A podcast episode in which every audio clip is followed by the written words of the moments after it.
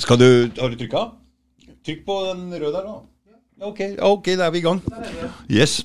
Velkommen, Bjørn Nistad. Igjen, du var her for to dager siden, men opptaket ble det faktisk ingenting av. For hver gang så har jeg egentlig en ny og uerfaren kameramann, og i dag har vi Marius, som sitter her fra Bergen. og Han kommer med flyet.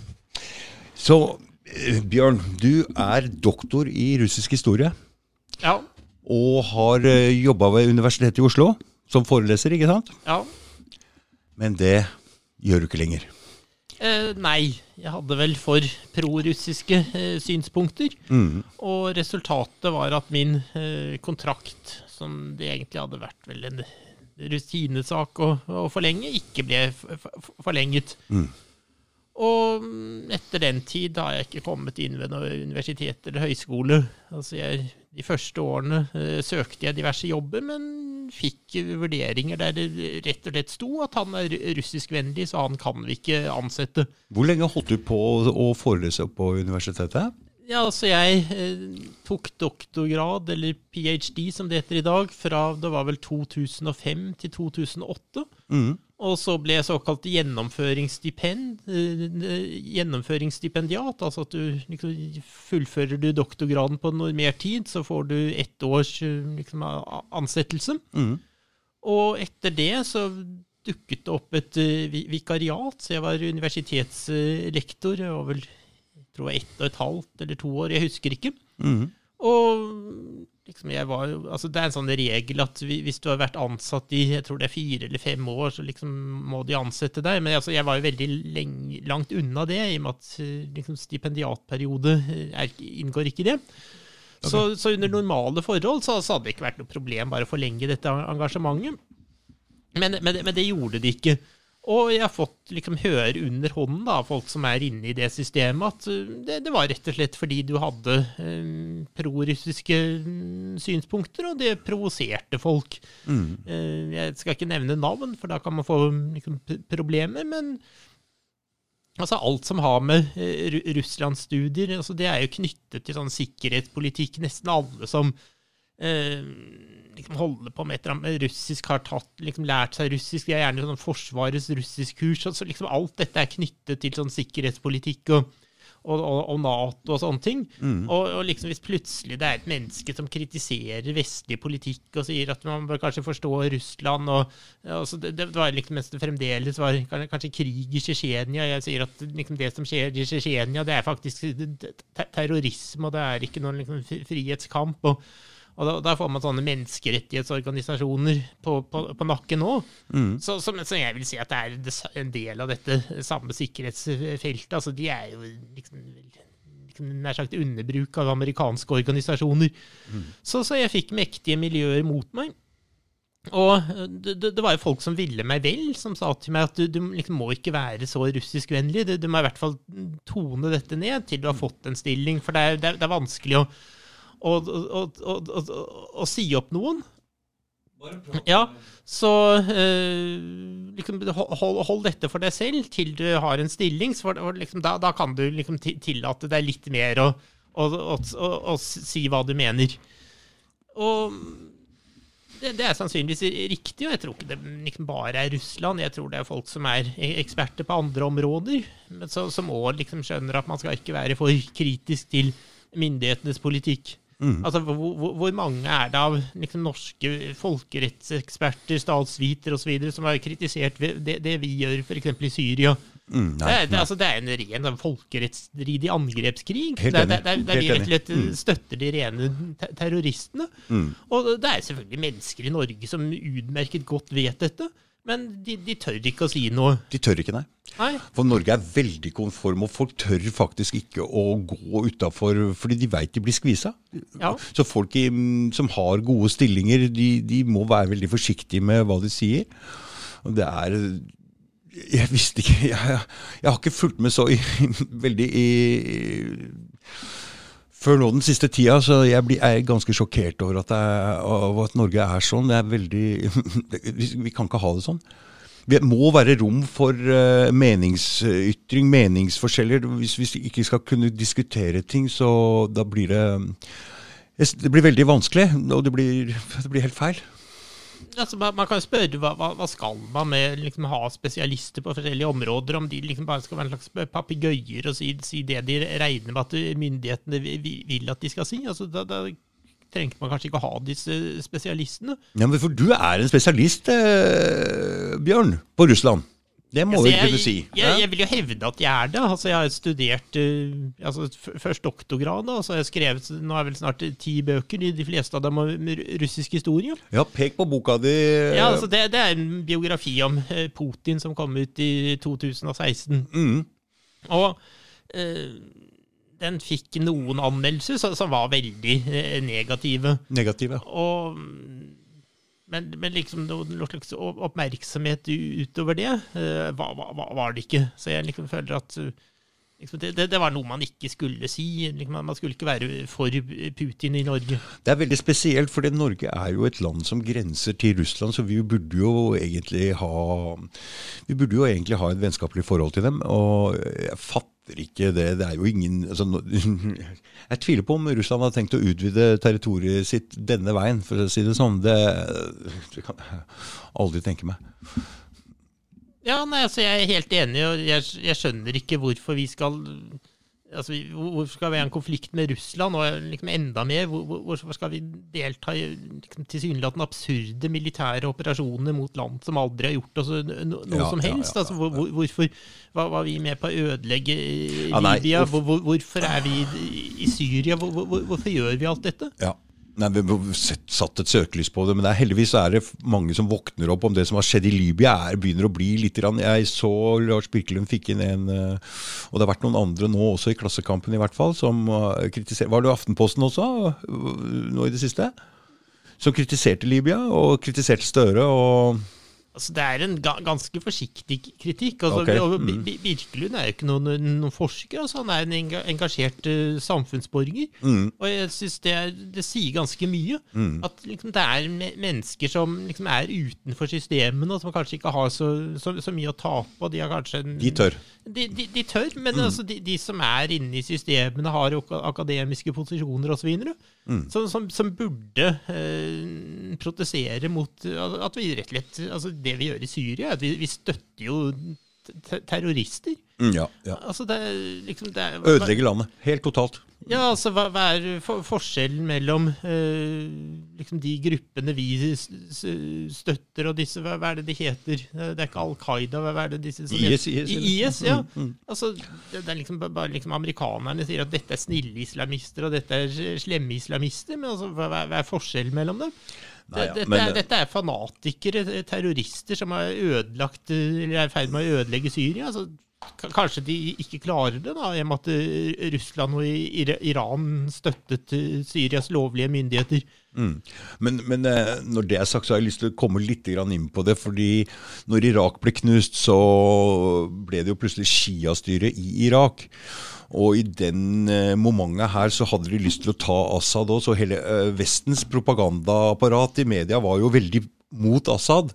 Og det var jo i dette dette momentet her at det dro mange folk ned for å ta Assad, faktisk, som senere ble kalt for IS. da, For de hadde plutselig ikke sunnid i noe område der nede.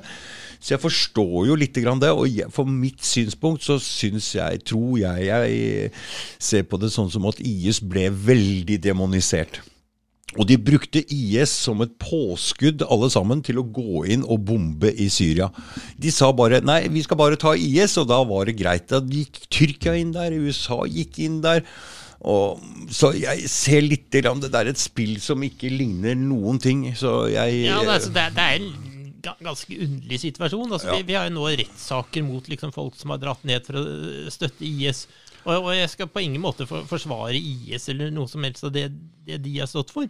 Men eh, altså, hva, hva er egentlig forskjellen mellom IS og de terrorgruppene som, som vi selv støtter? Nei, nei, nei. Altså det, det er liksom bare amerikanerne som sier at IS er slemme, men altså det, dette er snille te terrorister. Mm. Altså de, de som er snille, eller i hvert fall de, de som kan gjøre noenlunde levelige forhold i Syria, det, det er jo Assad-regimet. Ja, ja, nei, Altså nei, nei, Før dette, denne terrorkrigen ble utløst av Tyrkia, de diverse arabiske stater i allianse med USA osv., så, Mm. så, så, så var jo Syria faktisk et Ganske- vellykket eh, samfunn. Altså, de, de hadde ikke noe særlig olje, og allikevel var, var, dette et ganske rikt samfunn. Altså, hvis man f.eks. ser på hvem, som kom som flyktninger til, til, Vesten da etter at liksom, Syria ble ødelagt.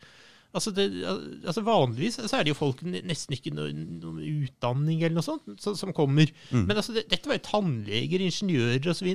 Altså, det, dette var et rimelig velstående, velfungerende land Ja. så, så, som vi har vært med på fullstendig å ødelegge. Mm. Og det, det, det samme med eh, Libya. Mm. Altså det, det er jo Stoltenberg, i dag Natos generalsekretær, Mm. som, som liksom sa rett ut i et møte med svenske sosialdemokrater at liksom bombingen av Libya var god trening Ja, for det norske så Altså, men mannen er krigsforbryter og skulle vært tiltalt. Ja, jeg helt altså, altså, han, altså, det, han sa, var jo det samme som Herman Ja, det er, det er galskap. Ja, altså, er, na- Herman Göring sa at den tyske deltakelsen i spanske borgerkrig var, var god trening for det tyske flyvåpenet. Mm. Og det, det samme sier Natos generalsekretær Stoltenberg. det Og, og, det, og det er jo ingen interesse. altså Mannen skulle jo vært tiltalt. Mm. Altså, man skulle jo Ja, altså, men altså det, det, det skjer ikke. Er helt enig med Og, det, og det, det er selvfølgelig ingen som er noen forsker eller noe sånt som liksom sier det, det, dette, men altså, de, de må jo forstå det. Mm, mm.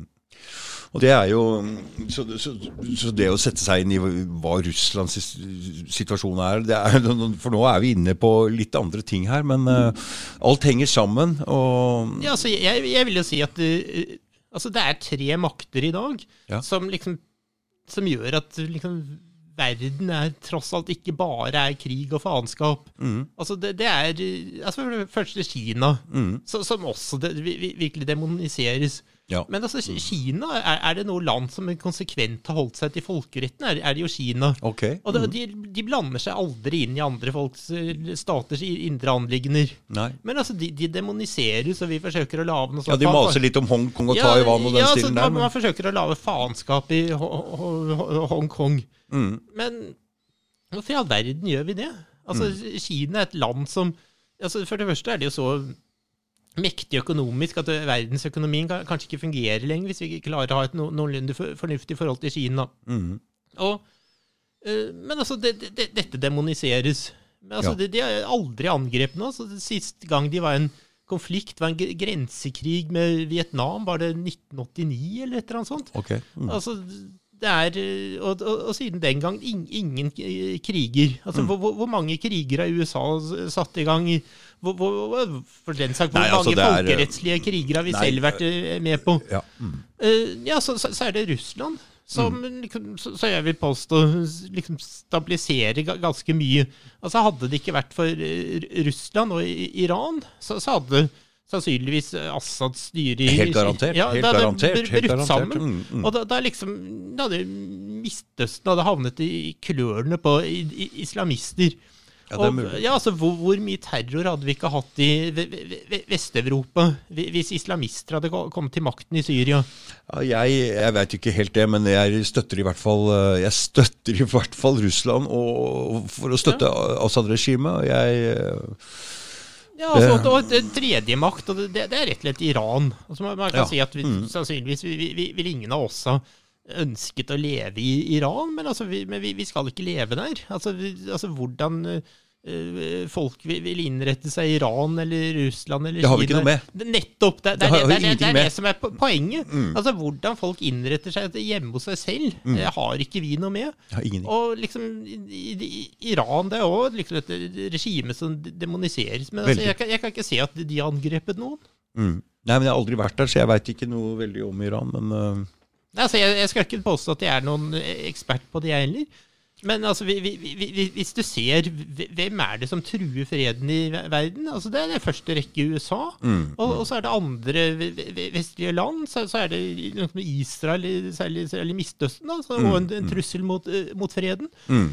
Men altså, de, de som liksom står opp for folkerett og fred osv., det, det er jo Kina, Ru- Ru- Russland og Iran. Ting er snudd på hodet. Ting Ja. er snudd helt på hodet, Bjørn. Men altså, de, disse demoniseres jo. Og, og, det, og det får vi ikke lov å si i dette landet her, for da blir vi bare skvisa. Ja, da, da mister du i hvert fall jobben. Da mister du jobben, da. Så, så, så jeg vil jo si at det er, det er farligere å forsvare Putin i Russland enn å kritisere ham i Nei, i Norge enn å kritisere ham i Russland. For det var noe av det første du sa til meg. Bjørn, Du spurte hva jeg jobba med, og så sa jeg at jeg jobba, jeg kjører lastebil og sånn. Så sa du da er du trygg, for da Ja, kan du nei, si altså- akkurat nei, hva du altså, vil. Jeg, jeg, jeg, jeg, må si si jeg faktisk misunner deg. Ja.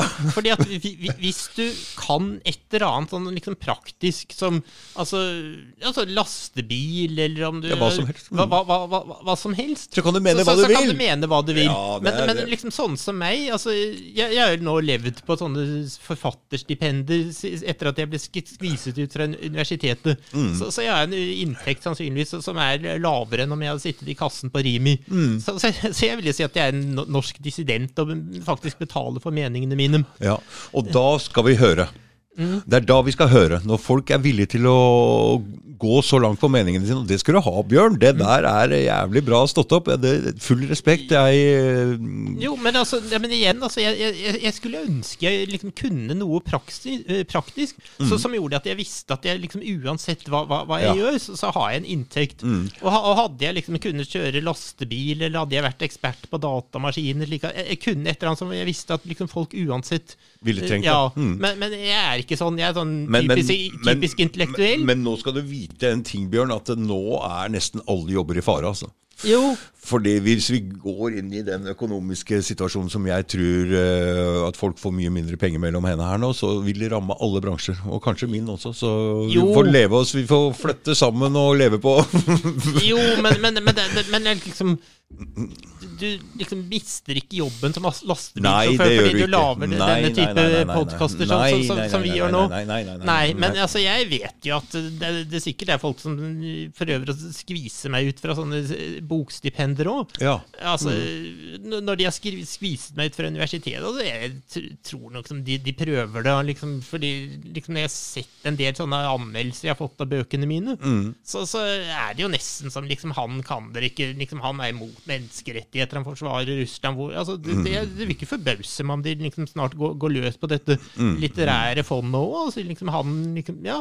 så, så, så igjen, altså så, sånn som meg, så liksom, som lever av å eh, mene ting og, og sånne ting, vi, vi, vi er ganske utsatt. Mm, Du- liksom- du Men, du, men du mener allikevel, Bjørn? jo, fordi jeg er vel liksom skrudd sammen slik at jeg eh, liksom føler at jeg altså, Solzjenitsyn sa det, at man, man, man, kan ikke leve i løgn. Nei. Og, og jeg, altså, jeg, jeg påstår Selvfølgelig kan jeg ta feil, jeg har sikkert gjort det mange ganger. Mm, Men, men jeg liksom klarer ikke å liksom, si noe jeg selv mener er galt. Det er riktig, kan det kan hende jeg, det jeg tar feil, men altså, da, da får det heller være. Mm, altså, det, altså, mine forfedre er sånn mengder av sånne protestantiske prester, så, så jeg er sikkert en sånn, ganske mye sånn branntype i meg. Kjempebra. Nei, så, så vi trenger det. Vi, vi må ha det. Vi må ha den andre stemmen. Vi kan ikke bare la alle Altså, vi, vi må ha mange stemmer. Vi må ha mange stemmer. Mm, det er helt riktig. Så Men altså, systemet blir jo mer og mer, like at myndighetene får, får, får liksom taket på en For altså, Før var det jo slik at eh, var du ansatt ved et universitet eller høyskole, eller noe sånn professor eller dosent, eller hva det var, så, så hadde du lønnen din og kunne, kunne i prinsippet gjøre hva du ville. mm, Så selvfølgelig faget ditt, da, men liksom, du, da hadde du post- og universitetsansatte en, reell ytringsfrihet. mm.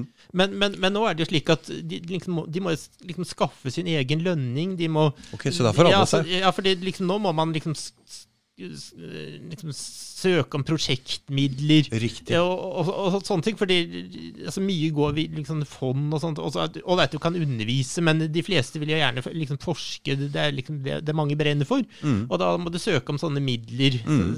Og selvfølgelig, du får jo ikke noen midler om, om du Nei, kritiserer offisiell politikk. Mm, mm. Så, så på den måten har de jo virkelig sånn na nappetak også på eh, folk som er eh, fast ansatte. Ja. Mm. Ja. Det er veldig For meg, så, som ikke har eh, visst om dette så lenge, og liksom se de, de, altså Jeg har visst om en del urett, men ikke så veldig sånn hva som foregår i Norge, at vi er så konforme. Men jeg har jo sett, men jeg har ikke visst at det er den typen som foregår. Det er eh, ganske absurd å, å forstå. Altså, jeg, jeg, jeg, jeg, tror det er to ting det henger sammen. Altså, delvis er at ve- ve- veldig mye i Norge er liksom Nesten alt går på en måte går via staten i Norge. Ja. Og det, og det andre er at vi er et veldig lite land. slik Mm. at liksom sier du noe liksom, som no, noen reagerer på, så, så vil det alltid bli, så det vil bli husket i evig tid. Mm. Så, så, så jeg vil påstå at eh, det er andre, og, og også vestlige land, der, der du har større ytringsfrihet. Større land, ikke ja, sant? Ja, altså, ja, altså du kan USA ikke- eller Storbritannia, Tyskland og sånn. Det, det, det er såpass stort at det, det er liksom nisje for det. Altså, folk, vil kanskje glemme deg etter en tid, men det, skjer ikke i Norge. Mm, mm. Så, så, så folk er eh, altså, Jeg vil påstå at det er en altså, rett og slett fryktkultur. Folk, folk er redde. Mm, mm. Og det, det, det merker jeg jo. Altså, eh, altså Jeg kjenner jo tross alt altså, Russland er liksom det, det feltet jeg holder på med. Ja. Og, og jeg kjenner eh, tross alt en del som driver med sånn eh, Russland-forskning på, på forskjellige måter. måter. Altså, no, noen av dem er liksom genuint mot Russland. De, de, de mener at liksom Russland er farlig, Putin er farlig, osv. Mm. Og det, altså, de, de kan jeg på en måte respektere. Altså, jeg er uenig med dem, men, men altså, de sier tross alt det, det jeg vet at de, mener, selv om jeg er uenig med dem. Men altså, de, de fleste liksom, altså, De er ikke så russiskvennlige som, som jeg er. Men, men, men mange liksom sier jo privat til meg at det, det du sier, er liksom, det, det, er mye rett i det. Men, og, og de kan til, til og med rose meg. Liksom, det er bra at noen sier noe annet, men de, men de tør jo ikke å si noe selv. Og, og det, det syns jeg, det, det synes jeg er vanskelig, at folk er så, er, er så redde som, som de åpenbart er. da. Mm. Eh, Men altså, muligens liksom det at jeg tør å protestere er ikke, altså En forklaring er kanskje rett og slett at jeg har ikke noen fa familie. Nei, Altså, vi-. Hvis jeg hadde hatt barn og liksom skulle forsørges, forsørge, så, så da hadde jeg ikke turt det. Riktig. Så det er så, og, og jeg føler kanskje litt at dette er en plikt. Altså, du er og at Går det til helvete, så, er det tross alt bare deg selv det går til helvete med. Og da, da liksom føler, jeg at da, da har jeg en plikt til å liksom protestere mot ting som jeg syns er virkelig ille. Og jeg syns det er farlig. Mm. For jeg, altså, jeg mener at de, de vestlige landene fører en så aggressiv politikk at det, det virker nesten som de, de, de forbereder en krig. Det virker veldig Ja, og da, sånn. da, da, da, da syns jeg faktisk man har en moralsk plikt til å, til å protestere og prøve å få mennesker til å våkne. Mm. Det er veldig bra. Takk, Bjørn, for at du mm, gjør det du gjør. Det er, eh, vi trenger, virkelig trenger det. altså. Det er, eh, det er ikke tvil om det. Og at du er i en sånn situasjon at du ikke har barn også, det er eh, For det folk må, da tenker folk seg mye mer. Du risikerer å miste alt de har, så da tør ikke folk. altså det... Nei, altså, gudene meg Hadde jeg hatt barn kanskje- hadde kanskje til og med fått barnevernet på nakken. Eh, Altså, og altså- det, du får vel kanskje ikke barnevernet på nakken om du liksom isolert sett er Altså, får... altså, Russland, Den Russland-greia er kanskje ikke sånn, eh, sånn Nei, veldig, men, men- det er andre meninger som man ikke ja, kan ha. altså, Altså. altså jeg, jeg har liksom for, for eksempel eh, forsvart liksom russisk holdning til homofili. Ja. Altså, det, det er jo ma ma masse tøv. Altså, altså, våre massemedier påstår at det er forbudt å være homofil i Russland, og homofile for, forfølges osv. Altså, det er tøv. Altså, homofile Det finnes masse folk som er homofile i Russland, og folk vet at de er homofile, og det er ingen som plager dem, og de får priser. De kan være kunstnere, filmregissører, og ingen Ja. Altså, de får priser og sånne ting. Mm. Altså, det som er forbudt der, er, er, er rett og slett å propagandere for homofili overfor barn og unge. Ja. Og, og, det, betyr at du liksom ikke kan drive sånne homomarsjer og sånne ting. Mm. Men altså, det er noe som da eh, noen 80-90% av den russiske befolkningen støtter ved Mm. visse meningsmålinger. For, men nå ser du jo hvordan disse homomarsjene Ja, har utvikla seg til å bli her i Norge. Ja, ja, med å, fronte disse transpersonene altså, også, så det har jo gått altfor Ja, langt. Det har jo gått ja, altfor langt. Og, og, jeg liksom har da offentlig sagt at uh, det, er faktisk russerne får liksom De får innrette sånn som de vil hjemme hos seg. Og, og, og sannsynligvis er det russiske myndigheters holdning til homofili mer i samsvar med russiske, vanlige russeres holdning enn en, en norske myndigheters holdning til homofili, som ikke nødvendigvis tror jeg samsvar med hva vanlige folk her, på, her i landet tenker Mm. om, om f.eks. homofile, at de skal kunne skaffe seg barn og sånne ting. Det, det er jeg ikke så nødvendigvis sikker på at alle er for. Eh, men liksom hadde man sagt noe sånn om selv hadde hatt barn det kan til og med Gudene må vite med det hysteriske klimaet vi har nå. Altså, Du kunne jo kanskje fått en barnevernet på nakken. altså Du Ja. er liksom homofob. liksom, Kan du da være forelder eller noe sånt? Mm. Altså Jeg har ikke barn, så jeg har liksom sluppet å liksom tenke meg og, og, Fordi sånne ting. barnevernet, barnevernet er litt grann på jakt etter de, de, er- de er veldig konservative kristne med disse øh, sterke holdningene sine. Ja, altså, er de ikke?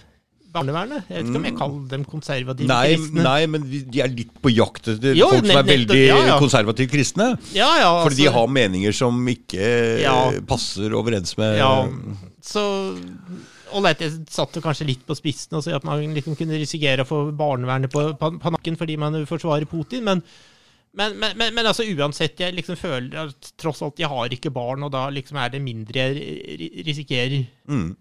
Men Bjørn, skal vi begynne å ta for oss russisk historie? Skal du holde en liten eh, hva skal vi si, forelesning for oss? For det, du, jeg vet ikke hvor vi skal begynne hen. Hvor skal ja, altså, vi begynne? Det, det, er et enormt tema. Hvor, hvor, hvor skulle man egentlig begynne? Mm. Uh, skal man si Altså, jeg, jeg, jeg tror det, det, For å forstå Russland ja, bedre, hvor altså, skal vi begynne? Jeg, jeg, jeg, tror det er liksom man bør kanskje prøve å forstå eller sette seg inn i hvordan verden ser ut for, for andre mennesker. Mm. Og liksom i Russlands tilfelle så, så, er det jo det at landet en rekke ganger har blitt angrepet av, av sterke fiender i, i, i vest. Ja. Altså den, den, siste og mest traumatiske opplevelsen var jo annen verdenskrig. Mm. Som, som, kostet, uh, ifølge liksom nyere tall, da, 27 millioner sovjetborgere livet. Mm. Og, det, og, og, det, er jo ufattelig. Altså, ufattelig. altså Landet omtrent frem til Moskva var totalt ødelagt. Mm. Og noen tiår, 20 altså år tidligere, så hadde første verdenskrig, altså igjen krig med det, det keiserlige altså Den gang keiserlige Tyskland. Mm. Og så liksom da liksom Tsar-Russland brøt sammen osv. i 1917, så, så fikk det intervensjonskriger. Mm. Der Frankrike, USA, eh, England, Japan, altså Mengde land liksom gikk løs på det liksom, altså kommunistiske Russland da. Okay. Og så tidligere, altså da er det 100 år tilbake, så Napoleons angrep på Russland. Ja. Eh, mm. og for så vidt 100 eh, år før der igjen, da på begynnelsen av 1700-tallet, eh, Karl 12. og Sverige. Mm. Så, så, så, så, en rekke ganger har, har, da Russland blitt angrepet fra, fra, fra, fra vest. Og, og, og, selvfølgelig at det, altså det preger folk. Og at, mm. at liksom den Kall det sikkerhetssonen som Russland skaffet seg, eller daværende Sovjetunionen skaffet seg etter annen verdenskrig, var, var et svar på dette. At det, det, dette skal ikke skje igjen. Okay. Altså, vi snakker om liksom aldri mer 9. april. Mm. Men altså, vi, vi, det var jo knapt noe krig her. Mm. Men allikevel så er det liksom blitt et nasjonalt traume, selv i Norge, da. Mens Russland med 27 millioner altså man, man, man, kan liksom skjønne at de, de ville ikke, vil, ikke, at dette skulle skje en gang til. Mm. Og, og, derfor tok de over kontrollen over Øst-Europa. Og så, eh, så, som vi vet, så, så, så brøt jo eh, liksom, Sovjetimperiet sammen pga. Gorbatsjovs og hans lite vellykkede eh, politikk. Og Eh, liksom du, du fikk denne bølgen med sånne revolusjoner i østblokkstatene i høsten 1989 osv. Det, det hele kollapset. Mm. Og i den situasjonen så, så, så, det, så reiste jo spørsmålet seg om liksom, en, liksom betingelsene da, for avvikling av Sovjetimperiet, østblokken, og, og, og, og, særlig hva skulle skje med, med Tyskland. Skulle man liksom Altså um, fra altså Det sovjetiske synet var at de, de, man var villig til at, eller faktisk for, et samlet Tyskland, men det, det skulle være et nøytralt Tyskland. Mm. Man var ikke god, villig til å godta et uh, samlet Tyskland som var mot uh, Sovjet, altså i en form for uh, antisovjetisk militærallianse. Bare en sånn liten avsporing. Har Tyskland militære nå? Er de Jo, jo. Ja. Mm. men altså Slik at liksom, den, den, røde linjen da, for liksom, sovjetlederne Gorbatsjov og, og, og, kretsen rundt ham, mm. rundt ham var at liksom, Tyskland må ikke bli medlem av Nato. Vi, vi, kan godta et samlet Tyskland, men ikke medlem av Nato.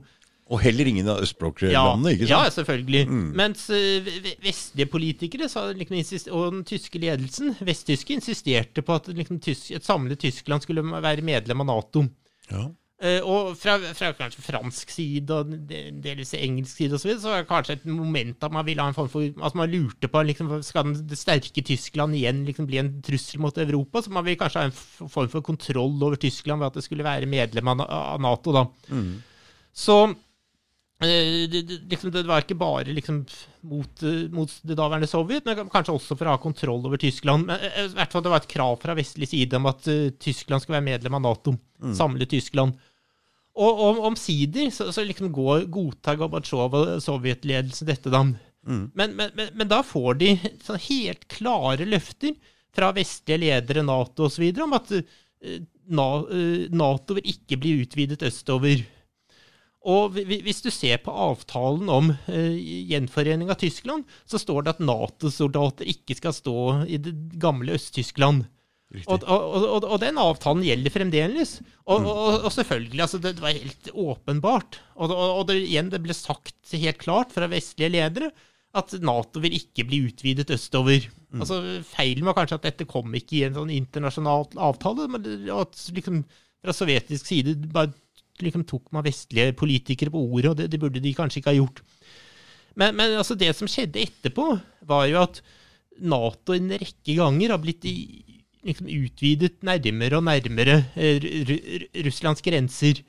Så, og Hvor mange det, av de eh, tidligere språkstatene er det som er med i Nato nå? Det, det er vel egentlig alle sammen. Det er alle sammen, ja. Og inkludert eh, tre tidligere sovjetrepublikker, de, de baltiske statene. De baltiske. Ja, så mm. Dette var et helt klart eh, brudd på eh, løfter eh, Sovjetunionen hadde fått. Mm. Og, og, og så topper det seg, dette statskuppet i Hviterussland i 2014. Der, er Vesten rett og slett I Ukraina, mener du? Ja, Ukraina mener jeg selvfølgelig. Ukraina, mm, Ukrai ja, 2014, Det, det er vestlige land faktisk innsetter det rene fascistregimet. eh, Rabiat antirussiske regimet. Mm. Og, og bryter absolutt alle eh, løfter. Ja. Og altså, selvfølgelig, altså, da måtte det komme en reaksjon. Altså, e- Endelig, vil jeg si, sa- satte Russland foten ned. Og i denne situasjonen, altså Dette går ikke. Vi, vi godtar ikke at Krim blir en amerikansk militær flåtebase. Og befolkningen på Krim er altså, det er russere. Så de, de, vil jo aldri, altså, de nektet jo alle som en å være en del av dette fascist-Ukraina du, du fikk ved, ved dette statskuppet i 2014. Så, det, så de gjorde opprør. Og da, da, da kommer vi litt inn på noe vi snakka om forrige gang. Hva er Ukraina egentlig for en stat? Hva er det for et land? Hva slags språk har de et eget språk? Fordi du sa de er delvis influert av polsk, det er delvis uh... Ja, altså Uk Uk Ukraina er jo ikke et land. Nei, det er ikke et land. Nei, altså, det er et begrep, geografisk begrep. Eh, altså, det, det betyr rett og slett utkant. Altså det, på, på, på slavisk altså Du er Kraina i den tidligere Jugoslavia, som, som betyr grenseområde. Ja. Så, så Ukraina betyr bare utkant eller grenseområde. Og, og det er liksom, har jo vært en sånn form for grense da, mellom det katolske Polen og det ortodokse eh, østlige kristenhet. Mm. Men altså, jeg, jeg vil si at det, dette er et sånt altså Ukraina er et sånt antirussisk prosjekt så, så, som langt på vei ble uttenkt av, av polske rev, revolusjonære. Jeg, jeg, jeg skal prøve å forklare dem. Altså, jeg, jeg har skrevet en bok om Ukrainas historie. Og, og leste da selvfølgelig mm, kilder i forskjellige sammenhenger. Og det, og det er slik at å lese tekster fra det, liksom det som i dag er Ukraina, så, som den gang het eh, Lille-Russland, fra på begynnelsen av 1800-tallet, altså, det er ikke noe problem. Altså, det, det er som å lese eh, russiske tekster. Altså, det er ingen forskjeller. Nei. Men vi, vi, hvis du leser eh, altså, på, by, på slutten av 1800-tallet, så, så, så var det rett og slett en gruppe intellektuelle, altså mange av dem var rett og slett polakker, som, som konstruerer da et eget eh, lillerussisk, eller som de insisterte på å kalle det, ukrainsk språk, og de liksom forsøker å lage en eh, ukrainsk identitet. Og det har sammenheng med hvordan Polens situasjon Ja, ja. da Hva var Polens situasjon Jo, da? al jo, altså Polen det, det, det var jo en, en gang en av de store statene i Europa. Altså, Polen-Litauen. Mm. Det, det, altså, det strakte seg jo fra Østersjøen til Svartehavet en gang. Hvorfor sier du Polen-Litauen? jo, fordi altså, Polen og Litauen var personalunion fra, fra 1500-tallet en gang. Riktig. Mm. Men altså på siste halvdel av 1700-tallet så likviderte Prøysen, Østerrike og Russland eh, Polen-Litauen som stat. Altså Det var tre deler, det kalles Polens delinger. I tre delinger på slutten av 1700-tallet så liksom tar naboene liksom hver sin bit, og til slutt er det, er det ingenting igjen. Nei. Så Så Og- Polen-Litauen fantes ikke Ja, det- lenger plutselig. Så da har vi en del intellektuelle som vil ha Ja, tilbake Polen. Som Ja. flytter inn i Ukraina og prøver å påvirke Ja, ja, ja. Mm, mm. Altså, og, og så får du etter disse delingene så får du revolusjons- og napoleonskrigene. Oh, ja. og, og, og så får du Wienerkongressen. Og, og, på Wienerkongressen så blir det bestemt at mesteparten av de polske områdene skal, skal liksom være under tsaren, da Tsar-Russland. Ja. Og der, der de får et status som et eget eh, hertugdømme med, med egentlig ve- ve- veldig vidtgående selvstyre. Så nå er Polen under Russland, ja, som et eh, eget hertugdømme. Ja, det det er i 1814-15 så, så oppretter man da liksom eller Po- Russland får disse mesteparten av det som var Polen, Litauen, og de gjør det til et eget hertugdømme. Mm. Men hva med Estland og litt Altså, de, de har vært uh, russiske siden uh, begynnelsen av 1700-tallet. Den oh, ja, store oh, ja. nordiske Mm, krig, mm, da mm, mm, Peter den store erobret dem fra, fra Sverige. Riktig. Så Litauen hører egentlig til Polen, mens de to andre landene hører mer til uh, Russland? Ja, altså, nettopp. Altså, de, de, de to nord, nordlige av de baltiske statene var, var under Sverige. Oh, ja. Men, men altså, så får du et opprør i, i, i hertugdømmet Polen i 1830-31, så, så, som blir slått ned. Og, og, og så, så mister de da liksom eh, mesteparten av selvstyret. ja. Og, og så får du et nytt opprør i 1863, og, som også er mi- mislykket da, eh, og blir slått ned. Og, og i denne situasjonen så, så er det polske intellektuelle, revolusjonære, altså, som lever i eksil, da, som liksom tenker hva, hva, liksom, hva, hva skal vi gjøre for at Polen skal bli fritt? Jo, vi, vi må svekke Tsar-Russland. Og, og måten å svekke Tsar-Russland på er liksom å prøve å oppmuntre til eh, nasjonalisme, separatisme i forskjellige de deler av dette multietniske, mangefolkelige imperiet. Ak akkurat som amerikanerne prøvde under den kalde krigen. Og resultatet er da at eh, en liksom, polske re- revolusjonære eh, med veldig sånn antirussiske holdninger, og en del sånne lillerussiske eller ukrainske intellektuelle eh, liksom starter det du kan kalle prosjektet Ukraina, altså lage en egen identitet som liksom er forskjellige fra den russiske. russiske. Og, og en del av det er at man liksom konstruerer et eget eh, ukrainsk språk da, ved å liksom ta, ta så man, man henter inn polsk grammatikk med polske låneord osv. Og, og, og, og resultatet er at fra sånn slutten av 1800-tallet og liksom frem på 1900-tallet, så, så så liksom tekster fra den tiden og nyere, det, det er vanskelig å lese, for det, det er liksom, det er ukrainsk noe annet enn enn eh, russisk. Men, men altså, dette er en konstruert identitet, det er et konstruert språk. Eh, Polskinfluert øh, Ja, ja. eh, ja, og så, og så men en liksom, vesentlig støttespillere av dette var jo sånn tysk og østerriksk etterretning. Okay. Liksom. For, for dette er jo slutten av 1800-tallet, er liksom før første verdenskrig. Ja. Og, da, og da har du allerede liksom fått, begynner du å få sånne to maktblokker i eh, Europa.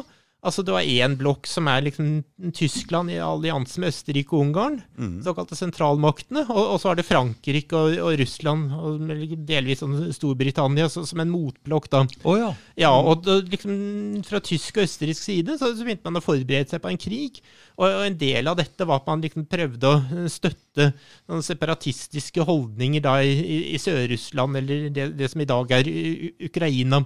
Så, så, så en del av disse sånn, liksom, ukrainske nasjonalistene fikk, jo asyl da i, på østerriksk territorium. Nå prater vi om rett før ja, eh, første ja, verdenskrig. Ja, så, så, det, så du kan si at Ukraina eller Prosjektet Ukraina det er en sånn kombinasjon av polske revolusjonære og østerriksk-ungarsk-tysk etterretning. Det, det er liksom bakgrunnen for ukrainsk na na na nasjonalisme. Og under sånne forhold er det jo ikke så, så rart at dette ble en ve veldig sånn antirussisk eh, nasjonalisme. Så, så ukrainsk identitet er liksom sånn antirussisk, da. Mm. Men du, kan jeg bare spore av litt grann nå, så ta for oss et litt annet tema? Fordi jeg har jo noen som mener at ordet russ har noe med Skandinav å gjøre, og det er mye skandinavisk opphav i, i spesielt Ukraina eh, og andre deler av Russland også.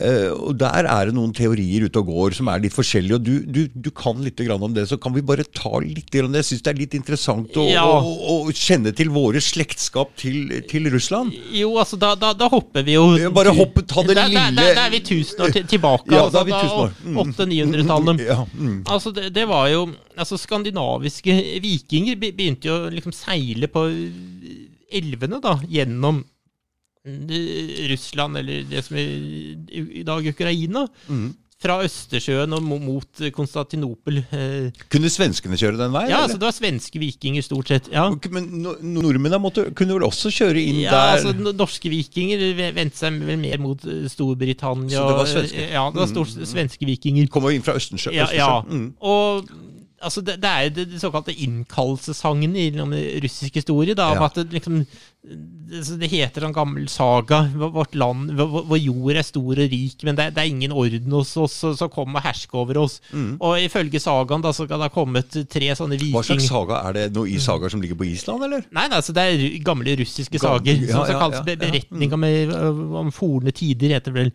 Eh, og, og det- det skal da komme tre sånne vikinghøvdinger med en som heter Rurik i spissen, og, og begynte å styre over slaverne, da. Mm. Altså, det, det, dette er en veldig sånn kontroversiell teori. Okay. Altså, for, altså for all- allerede på liksom 1700-tallet så, så, så var det jo russere som protesterte mot dette. Mm. Så du fikk kanskje den første sånn historikerstrid i, i, i Russland da, mellom på den ene side tyske historikere, som var, liksom, var vel tilkalt av eh, tsarene og sa- tsarinaene på, på 1700-tallet, så, så faktisk var mer liksom, tyskere enn enn russere. Sånn, det var ja, sånn internasjonal herskerslekt. Eh, så, så disse tilkalte eh, tyske professorene liksom forsvarte denne såkalte normannerteorien. da. Ja, ja den, den kalles normannerteorien, men, mens en russer som heter Lamanosov som men, sånn- men vi liker normannerteorien, Bjørn. jo, jo det, det, det gjør vi kanskje.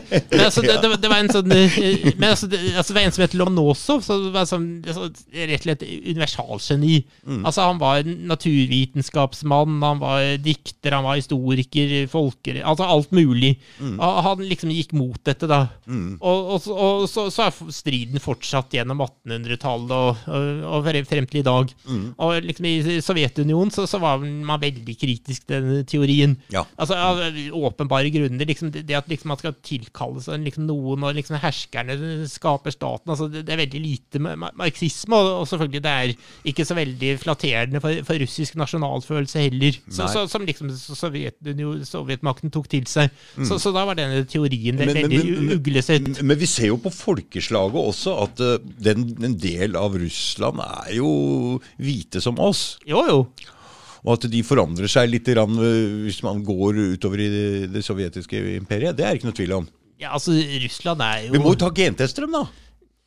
Ja, det kan man kanskje. Altså, Det må vi dra og gjøre, Bjørn. Altså, jeg vet ikke. Altså, jeg, jeg er ikke så veldig for biologiske teorier, men men, men altså, Russland er jo virkelig et sånt eh, mangenasjonsimperium, og det, det er liksom Snakke om noe slags sånn eh, blodsteorier og sånt, det er, er umulig i r- r- russisk sammenheng. Ja.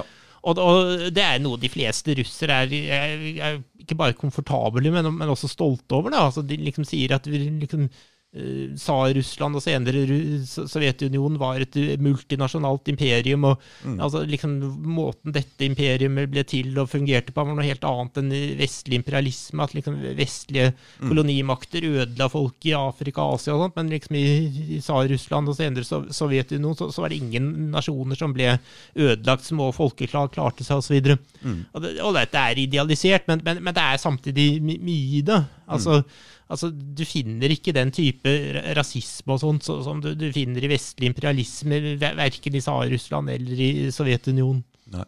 Nei.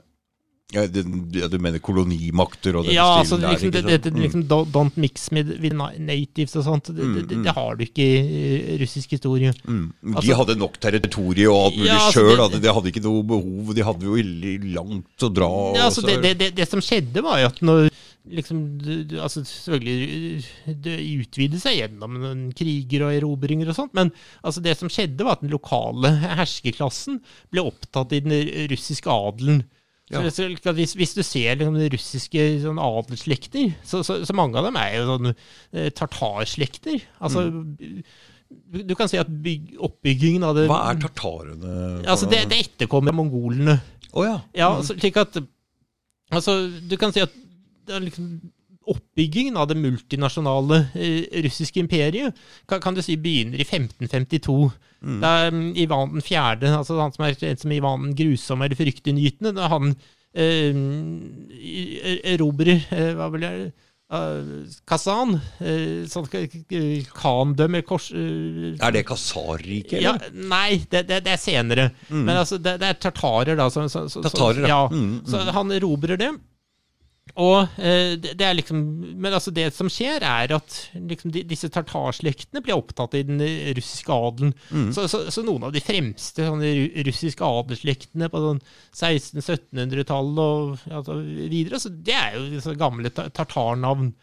Og, det, og det, det, så du over hele imperiet, at, at de, de prøvde å liksom inkludere lo, lo, lokale eh, her- hersker... Liksom, Det er jo den eneste måten å gjøre det på. jo, også, så, så det, det litt så pa- paradoksale er at i mange tilfeller så, så ble jo de erobrede folkene behandlet bedre enn den egne befolkningen. Ja. Så at du, du kan argumentere for at liksom, eh, forholdene i de, de erobrede, f.eks. de baltiske provinsene, altså at de var bedre enn en forholdene i, i- selve Russland. Så det var derfor det flytta mange russere til de baltiske Ja, et, statene? et, et, etter hvert, og særlig under i, i sovjetepoken, så, så er det mange som flytter dit og, og, bidrar til å industrialisere dem og bygge dem opp osv. Mm. Skal, vi, skal vi bare fortsette fra den uh, epoken der, eller 1582, Ja, altså, vi- eller hva, du sa? Vi- Så kan vi hoppe tilbake Vi, vi, til nåtiden. vi, hopper litt sånn frem og tilbake. Ja men, ja, det er jo interessant Ja, å få med, med hele, hele pakka. Så jeg sitter jo her med all den viten, som vi må prøve å få det, få det ut. Ja, Så nå er vi, nå er vi der hvor han samler Sovjet og ta- ta- tatar hva, hva, hvilket, hva er det for et område Ja. i dag? Altså, i, i dag har det jo eh, Altså, det er, altså, det er en sånn delrepublikk i, i Russland så, som heter Tatarstan.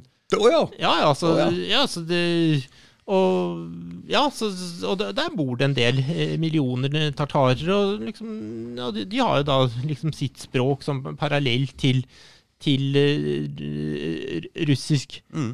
Så, så du kan si at Russland på, på mange måter har, bevart mye av det sovjetiske. Altså, I so Sovjetunionen var, var, det jo slik at eh,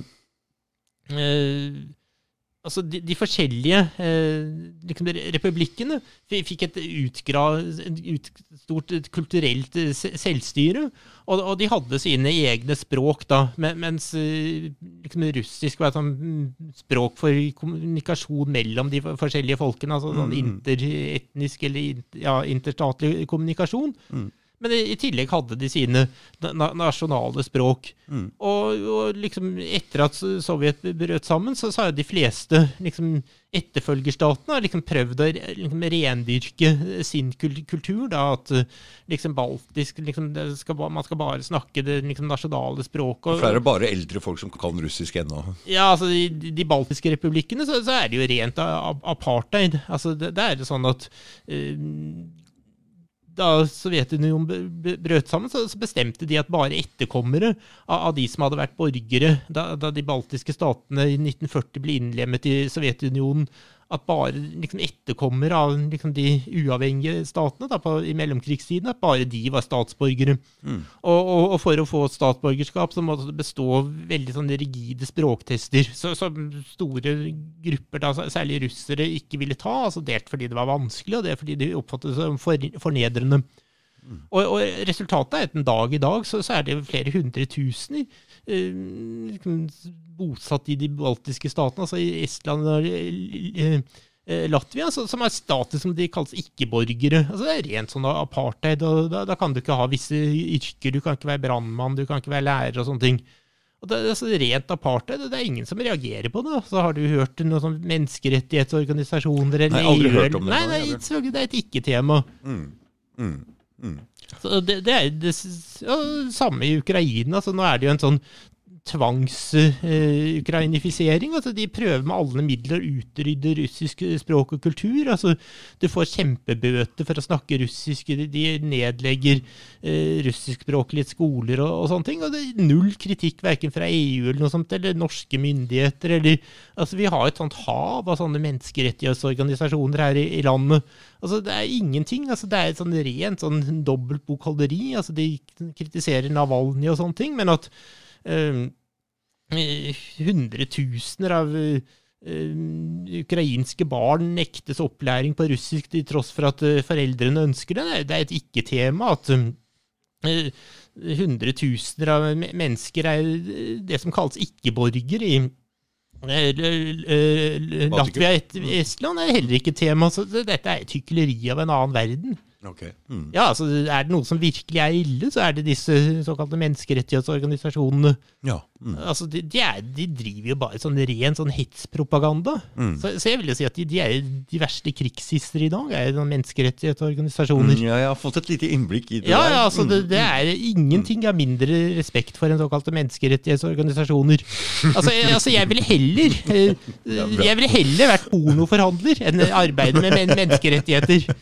Altså, Ja. null respekt for dem. Er det noen jeg virkelig, virkelig forakter, så er det såkalte menneskerettighetsforkjempere. Det er hyklere og krigshisser av det bånn i bøtta. Kjempebra. Det er klare ord fra Bjørn. Ja, ja. Det er Altså, kjempebra. Mm. Ja, ja, altså Er det noen ganger jeg blir glad, så, er, så er det når jeg hører at en såkalt menneskerettighetsforkjemper har blitt banket opp. Ja, ja, men det mener jeg. Så mye faenskap de gjør. Ja.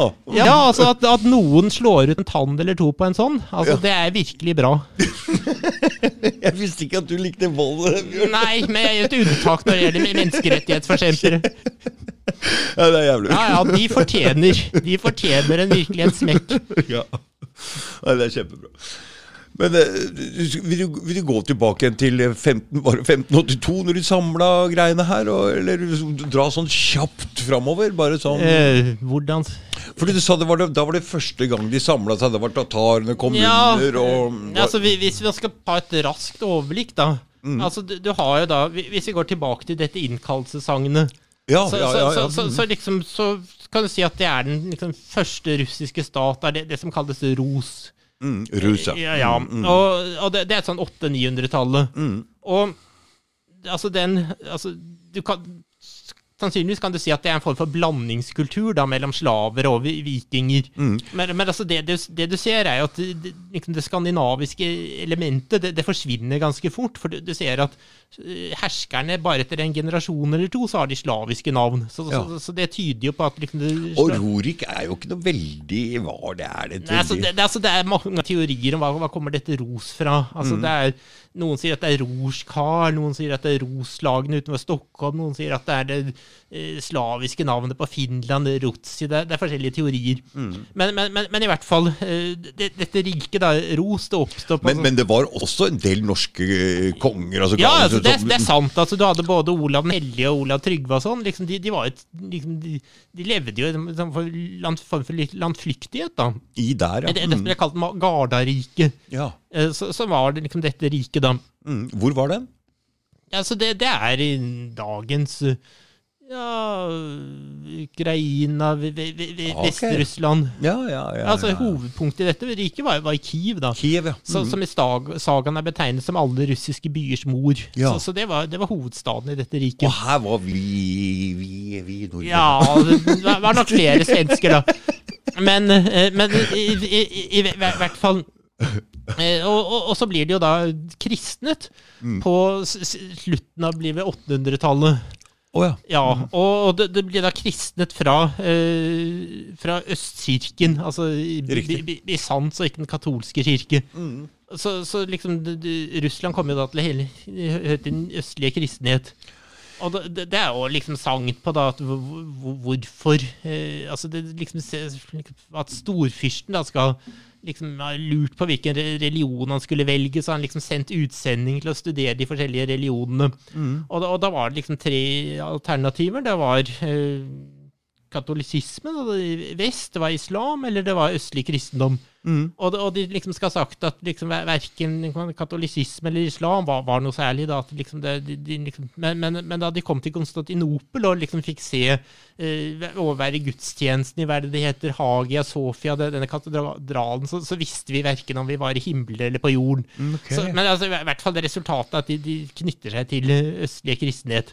Til Konstantinopel. Ja, altså, det, det, altså det, dette er et sagn, da. Altså, Ja, ja, ja. Det går jo mer på at handelsforbindelser, kulturelle forbindelser og sånt, de gikk den veien. Men, men i hvert fall Russland blir en del av den østlige kristenhet. Eh, og liksom får først eh, sin egen Hva, hva, hva blir det? Eh, ikke patriark, men eh, metropolitt, og, og, og så får de et, da på 1500-tall sin egen patriark og så, og så videre. Mm. Men, men altså uansett, altså, forbindelsen i Konstantinopel er der. Interessant det der med, med, med kirken og Jo, jo. staten og Ja, ja. det greiene der. Det er, Men altså, så, så, så kom jo de, de altså, Men altså, dette Kiev-riket Ja. det, det var en sånn ganske løs føderasjon av egentlig bystater, med, med Kiev som den mektigste da. Mm. Eh, Men, men altså, det går i oppløsning på det 1100-1200-tallet, altså det indre stridigheter og sånne ting. Og så på da midten av 1200-tallet, altså ca. sånn 1237-1240, så, så ble det disse eh, russiske statene er- erobret av tartarene, eller mongolene, da. Mm. Eh, Ja. Og eh, i de følgende ca. 200 år, eller 250 år Da prater Djengis Khan, eller? ja, eller hans etterkommere. Altså okay. mongoler, som, som russerne etter hvert kalte tartarer. Ja. Altså Det var en form for indirekte styre. da, altså de, de måtte betale skatt, og de russiske eh, fyrstene måtte dra til tartarene for å få liksom et sånn patent eller brev liksom godkjent at de skulle være fyrster. Mm. Og, og det, det- dette holdt seg da i ca. 250 år. altså Man, man regner med sånn 1480. Da liksom det var det en sånn konfrontasjon, og så liksom trakk tartarene seg tilbake. Mm. Men, men, men også i århundret etterpå så, så var det jo liksom stadig sånne invasjoner av sånne rytterskarer og sånt, og man kunne trenge helt opp til eh, Moskva, som liksom de, disse tartarene tente på en gang eller et par ganger. Og Mm. eh, i løpet av århundret så, så var det hundretusener av de var ganske sterke. Ja, altså det var hundretusener av russere eller slavere som ble tatt som slaver og solgt på slavemarkedet på Krim og Konstantinopel osv. Så, så, så, så dette var en sånn trussel fra steppene. var noe som varte helt til slutten av 1700-tallet, da liksom Katarina den store underla seg disse områdene. Du, Kan ikke jeg bare spørre om en ting? For jeg har en som er sånn ekstrem kristen som Og han prater hele tida om dette på Facebook. Han prater hele tida om dette med rus, men han prater også om Kasarriket. De, de som blir kalt for de askenasiske jødene Ja. og, og, og den stilen der. og og de måtte omvende seg til jødedommen, og dette er disse jødene som egentlig ikke er semitter, og som kommer, trekker inn i, i Europa og er en del av den russiske Hva, hva, hva veit du Altså, om det der? jeg må innrømme Jeg har vært borti det, og jeg har til og med undervist i det, men altså, dette er ikke noe som er present for meg. Nei. Men altså, så vidt jeg husker, så, så ble eh, liksom Qatar-riket på, på 1900-tallet Er det noe med tatarene å gjøre? eller Nei, nei, det, nei, det er noe annet. Men altså, eh, Mm. Kartarene var, var- også et rytterfolk, men, men altså, de, de, som du sier, at de antok noen jødiske tro. da. Og da, det er Mm. Men Er kasarene det samme som tatarer, eller hva Nei, er det noe? det er noe annet. Det er noe annet igjen. Ja, Mm, og, men mm, altså, mm. det, dette riket ble jo da liksom erobret og utslettet på, på, på 900-tallet av, av slavere, da. Hvem riket prater vi om nå? Eh, Kasar- Ka- Kasarriket. Kasarriket. Ja, 800-900-tallet? ja, ja så, så det er et gammelt rike. Mm. Og så, så, så, vet jeg at det er masse teorier om liksom, er disse sanne jøder, hvem er de, og sånn videre. Men altså, jeg, jeg vet ikke. Nei. Jeg, har ikke liksom satt meg inn i det på snart over ti år, så jeg liksom skal være litt forsiktig med å kommentere det. Ja, og det der er vel et litt sånn betent område også, eller? Ja, ka kanskje. Jeg vet Kanskje. Nei. nei, nei, ikke. Jeg, nei. jeg, jeg, jeg vet ikke. nei. Eh, For det er jo et stadig greie som kommer opp her nå øh, på Facebook og overalt. ja, gudene må vet jeg, jeg. Jeg har ikke satt meg inn i det, så jeg, vet ikke. Men, men, men, men i hvert fall, altså på sånn 1300-1400-tallene så, så får du det som kalles samling av de russiske land. Mm. Og, det, og, og da er det rett og slett Moskva, så, som er opprinnelig er en sånn liten eh, stat. Ja. Liten, altså, men altså, det er fyrsten i Moskva, så, som er ganske altså, det er en serie med ganske dyktige fyrster som sitter lenge på tronen osv. Mm. Og, og ved hjelp av kriger og allianser osv. Så, og så, så klarer liksom Moskva å gjøre seg den mektigste av de russiske statene. da.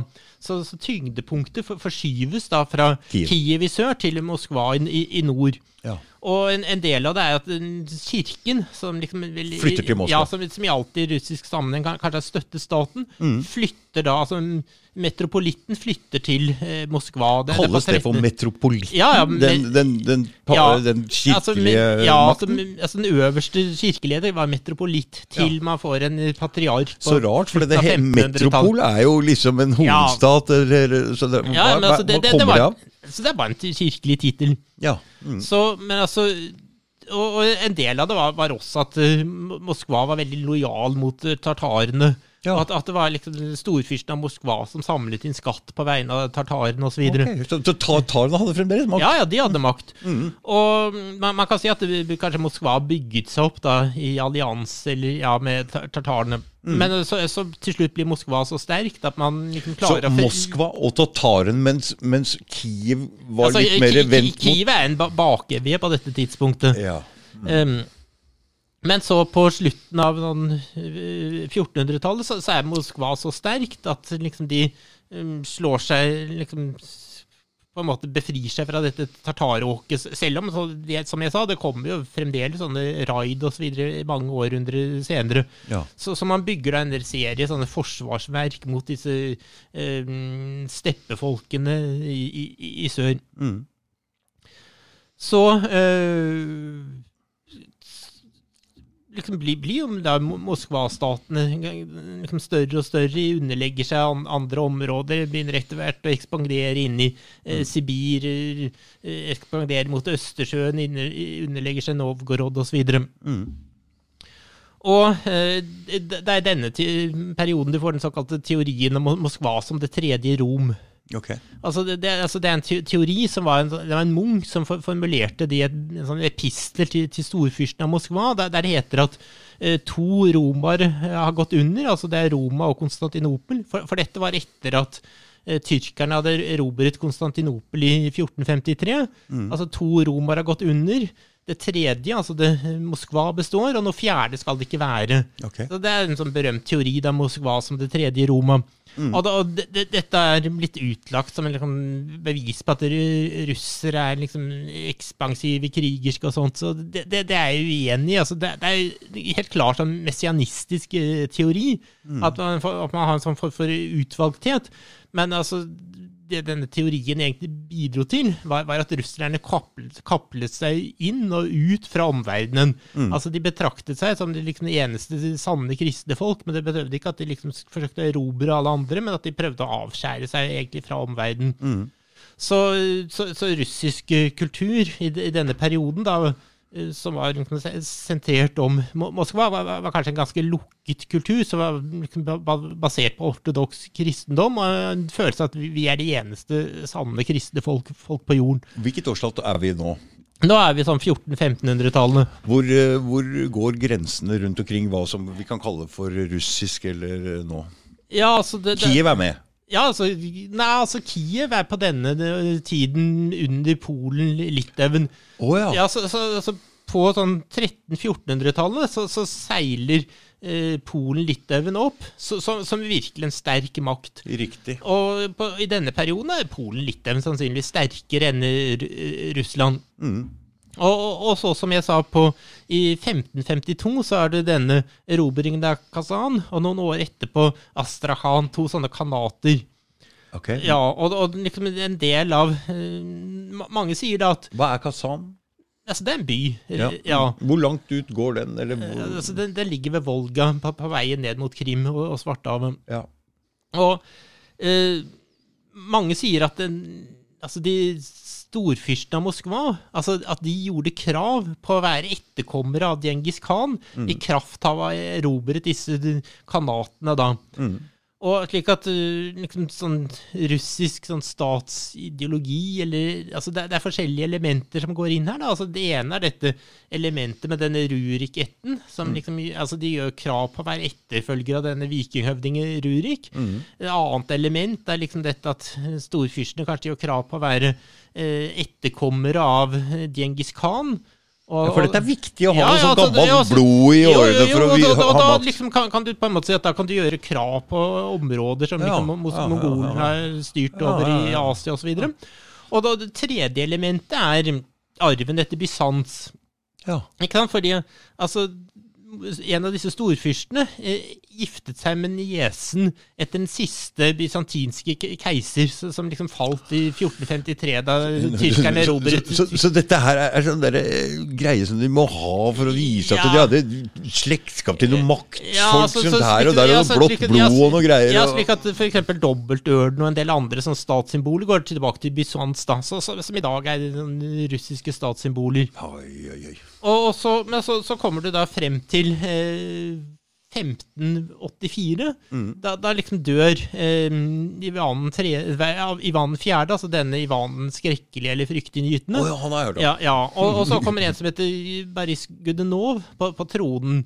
Og liksom hans altså, maktgrunnlag er at søsteren hans er, er, liksom var gift med en sønn av Ivan den eh, fjerde. Da. Så, så, så, så, det må være slekt til et eller annet sånt her hele tida. Men, men, men, men altså, han blir liksom, I og med at hers, dette Rurik-dynastiet dør ut, så Mm. savner han på tronen. Ja. Men, men altså, han har jo ikke Mange betrakter ham ikke som en legitim tsar, det med at han ikke er etterkommer etter eh, Rurik. Ja, Rurik er viktig. Ja, og, og, og samtidig får du uår, hungersnød og sånne ting. Så, altså, som han knytter da til at han ikke er en rett hersker. Mm. Og, og, i denne situasjonen kommer det sånne falske tronpretendenter, de såkalte falske dimitrier, og polakker og svensker blander seg inn osv. Så, videre. Ja. så på begynnelsen av 1600-tallet så holder den russiske staten å gå, på å gå under den såkalte smutaen, Ja, ja. eller uro, den store urotiden. Ja. Men, men altså, i, den situasjonen er det da kirken som, som på en måte redder staten, ved at Riktig. patriarken stiller seg i spissen for et nasjonalt opprør. Ja. Sånn på sånn 16-, 15-, 17-tallet, jeg husker ikke. for denne tiden har, har kirken mye makt, ikke sant? be- bevares. Mm. Og liksom de polakker og svensker blir kastet ut, og liksom staten blir gjenopprettet. Og da, da velger man en, eh, en som jeg tror han heter Mikhail Romanov, altså Romanov-dynastiet. Men altså, det var en ganske sånn perifer hersker altså Det var selvfølgelig en del av høyadelen, men det var ikke på ingen måte en av de Så mest Romanov-slekta kommer inn allerede ja, men her. altså, ja, altså, det, altså, det var en del av høyadelen, men ikke en av de liksom, mektigste adelsslektene. Og det var kanskje slik at liksom, De ble enige om ja, å De andre ville kanskje ikke ha en av de aller sterkeste, da. Men, men altså, den, denne slekten vi viser jo da en liksom, forbausende evne til å overleve. Megle mellom forskjellige Ja, altså, Mm. så, så dette er et dynasti som da sitter på tronen til eh, til eh, det, det hele bryter sammen under første verdenskrig og revolusjonen i 1917 osv. Mm, mm. Men, men altså Men du, når var det første verdenskrig starter? ja, det, det er 1914. 1914, og revolusjonen i Russland det er er i 19, 1917. Riktig. Så, så, så, så du, du kan si at du har i, i ru- russisk historie sånn tre sånne smutaer. Altså, det, det Men hvor lenge varte første verdenskrig? ja, det, det er 1914 til 18. Fire år. Og så midt inni, midt inni første verdenskrig så er det opprør i, i, i Russland. Eh, ja. Mm. ja altså, altså, altså du, du har tre smutaer i russisk historie. Smutar, det betyr Uroer. Uroer, uroer ja. ja, mm. altså, det, det var denne på 1600-tallet. Det er liksom tilsynelatende statens sammenbrudd, men altså, det, kirken stiller seg i spissen ved et nasjonalt opprør. Og så har du en ny sånn eh, smuta på sånn i i tilknytning til første verdenskrig. altså Tsar-Russland bryter sammen, du får revolusjon i 1917, og eh, Polen, eh, de baltiske statene, Finland løs, løsriver seg. altså Det, det er liksom tilsynelatende alt liksom i forfall igjen. Men altså, det, denne liksom blir overvunnet igjen. da, altså Da er det eh, Sovjetmakten, Lenin, Stalin osv. som klarer å Samle liksom, sa, samle mesteparten. altså Polen og Finland går tapt, men eh, resten får, får man etter hvert samlet. samlet. Og, og, og så er den tredje smutaen, da den liksom, så, så, Sovjetunionen bryter sammen osv. Og, så og, Ja, mm. og det, dette totale kaos og oppløsning på, på 1990-tallet, Mm. som russere selv har har sammenlignet med de liksom, to tidligere smutaene. Det skjønner jeg. Mm, mm. Du, um, nå har vi jo fått kommet oss til Romanov, Ja. og Skjer det noe interessant nå før uh, krigen? Den, den første verdenskrig? Ja, Som man trenger og liksom er nødvendig å ha med for å forstå Russland? det, det, det, det, det skjer jo veldig mye. Mm. Eh, men altså, hva, hva, hva, hva skal man trekke ut? Altså, du, du er eksempel reformene på eh, 1800-tallet, altså hvordan man avskaffer livegenskapene. 1861, Ja, ja, ja, det er en eh, opplagt ve ve ve veldig viktig dato. Mm. Eh, Fordi du sa Vi har jo sittet og prata litt om dette her eh, for to dager siden. ja, ja. For det ble, opptaket ble jo ikke noe av. Vi jo får- vi får håpe det går bedre ja, ja, denne ja, gangen. Ja, ja. Jeg sitter her og. Nei, og, og, og da, og da prata vi også om disse med livegenskapene, og at det var nok av land, men de hadde ikke nok bønder, Ja, så de altså- holdt altså, på, på- bøndene sine på en Så gitt på, på, på en måte så er russisk historie det, det motsatte av eh, Eller forholdene i Øst-Europa det motsatte av forholdene i Vest-Europa. Mm. Altså I, i Vest-Europa så, så var det mangel på, på jord, men Mm. med, med, med mer enn nok med mennesker. Altså, Ja. så, så liksom jorden var den knappe faktoren. Mens Mm. i, i Øst-Europa, og liksom jo mer og mer jo lenger øst du kommer, så, så er det. Så er det mennesker det er mangel på. Så, så det Mm. det liksom dreier seg om der, er ikke liksom jord, men det er å Binde bøndene. binde bøndene til jorden. Ja. Slik at, og, og, og liksom det som er livegenskap, tenker vi at liksom dette er noe urgammelt som går tilbake til middelalderen eller enda tidligere osv., men, men, men, men det er det ikke. Mm. Altså Mens livegenskapet i Vest-Europa gikk i oppløsning i senmiddelalderen, Mm. og liksom da du får den franske revolusjonen i 1789, så, liksom, så, som er liksom mot føydale rettigheter og sånne ting, så, så er det egentlig bare rester igjen av liksom sånne adelsrettigheter, livegenskap og sånt. Mm. At liksom adelsmannen hadde re- enerett til å uh, ha, ha mølle, sånne ting. Uh, male eh, kvern, og en del sånne rettigheter, da. Mm. Mens bøndene i Ve- Vest-Europa, Frankrike, faktisk var fri på, det- på dette tidspunktet. Mm. Mens i Øst-Europa og i, i, i Russland så blir bøndene nektet å, å flytte. Altså, du får sånne Altså, du får forordninger. Så- Hvor lange kontrakter måtte de skrive ja, så, på? og Opprinnelig så, så hadde de lov til å flytte på, på en viss tid hvert år. Altså Ja. etter at avlinger var brakt i hus. Jeg, jeg tror det var en dato og, og, hver høst. Men så kommer det det, som er kalt svarte år, der, der myndighetene, da, altså presset av godseierne, bestemmer at i år er det ikke lov å flytte. Mm. Og, og liksom utover på sånn 1500-1600-tallet så, så blir disse svarte årene altså flere og flere og flere. Og, og til slutt blir eh, bøndenes flytterett helt opphevet. Og, da- og, da er de liksom da er de stavnsbønder, som det heter på dansk. Altså, eller, livegne, da. En, en form for slaver. Altså, de er fullstendig knyttet til, til jorden. Mm. Hva, hvor mye av avlinga som der må de ut med der? Ja, altså, det, det varierte jo. Ja, altså, ja, altså, Si de måtte arbeide en tre-fire dager i uken på, på godseierens jord, eller andre steder var det kanskje mindre arbeidsplikt, men de hadde kontantytelser osv. Riktig.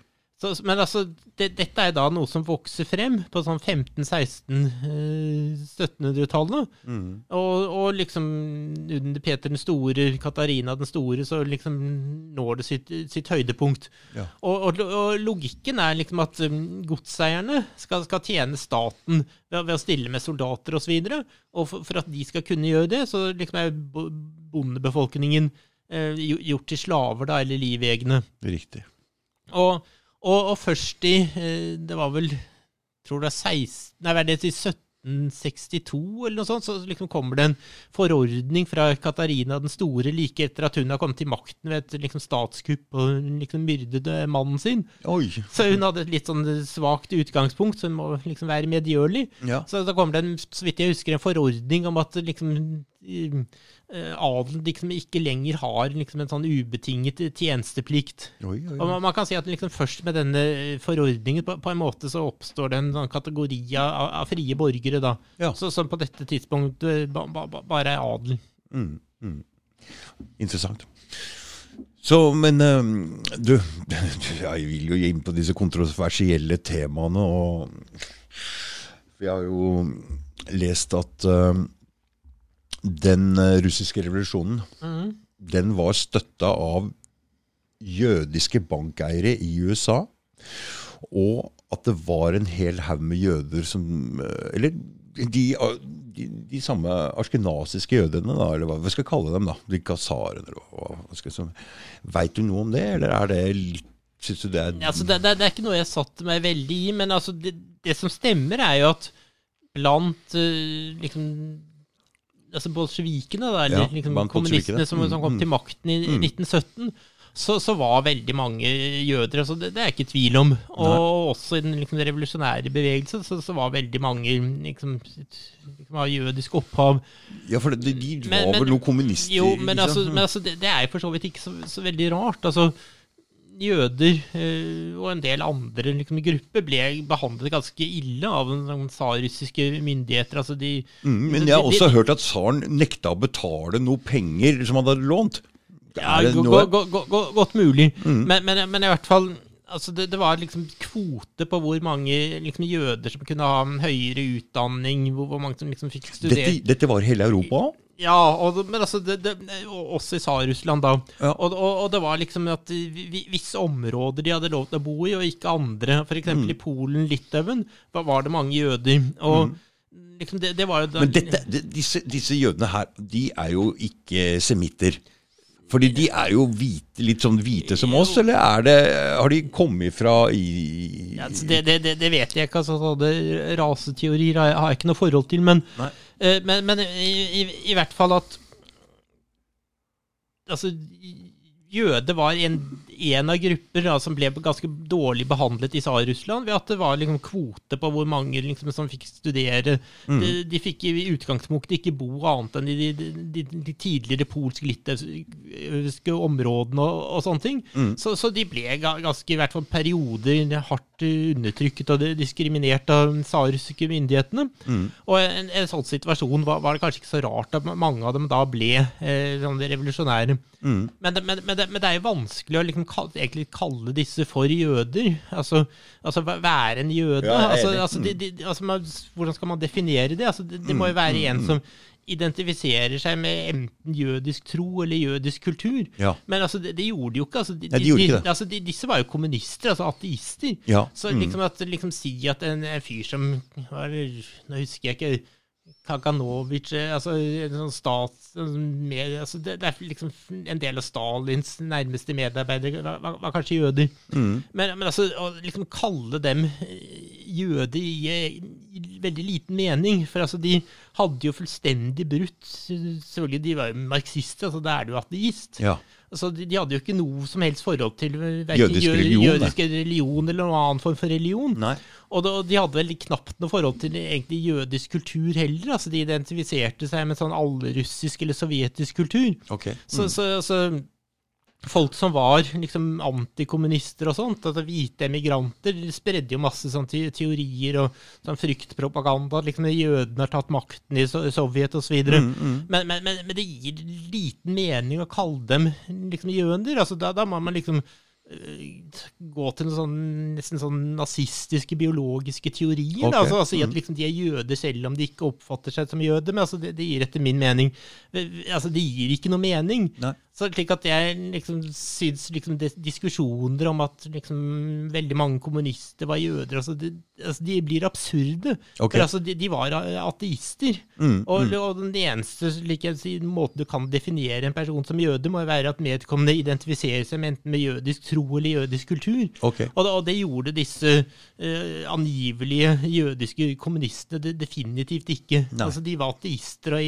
identifiserte seg med sånn allrussisk, sovjetisk kultur. Men det var noen knallharde øh, folk som tok over der. Jo, jo, og, og det, det ble jo brukt av sånne antisemitter til å, å, å piske opp stemning. altså eksempel sånn eh, Kanskje en grunn, del av grunnlaget for nazismen i Tyskland var vel kanskje sånn redselteorier om liksom hvor, hvor ille det var og, og, og sånne ting. Og, og man, man, man ser jo liksom da under annen verdenskrig, da liksom tyske tropper gikk inn i baltiske stater og sånt, så, så ble, så fikk de sånne pogromer mot de jøder og sånt, og som liksom ble knyttet til sovjetmakten osv. Mm, Uh, men altså, igjen, altså, jeg vil påstå at dette er Altså, det de gir ikke mening. Altså, okay. fordi, fordi at disse folkene som mm, liksom, all right, Man kunne kanskje definere dem som jøder og si at de hadde jødiske foreldre, men altså, de var jo igjen da, altså, de var ateister og sovjetborgere. altså det de, de, de, blir absurde å liksom kalle dem for, for noe annet. Mm.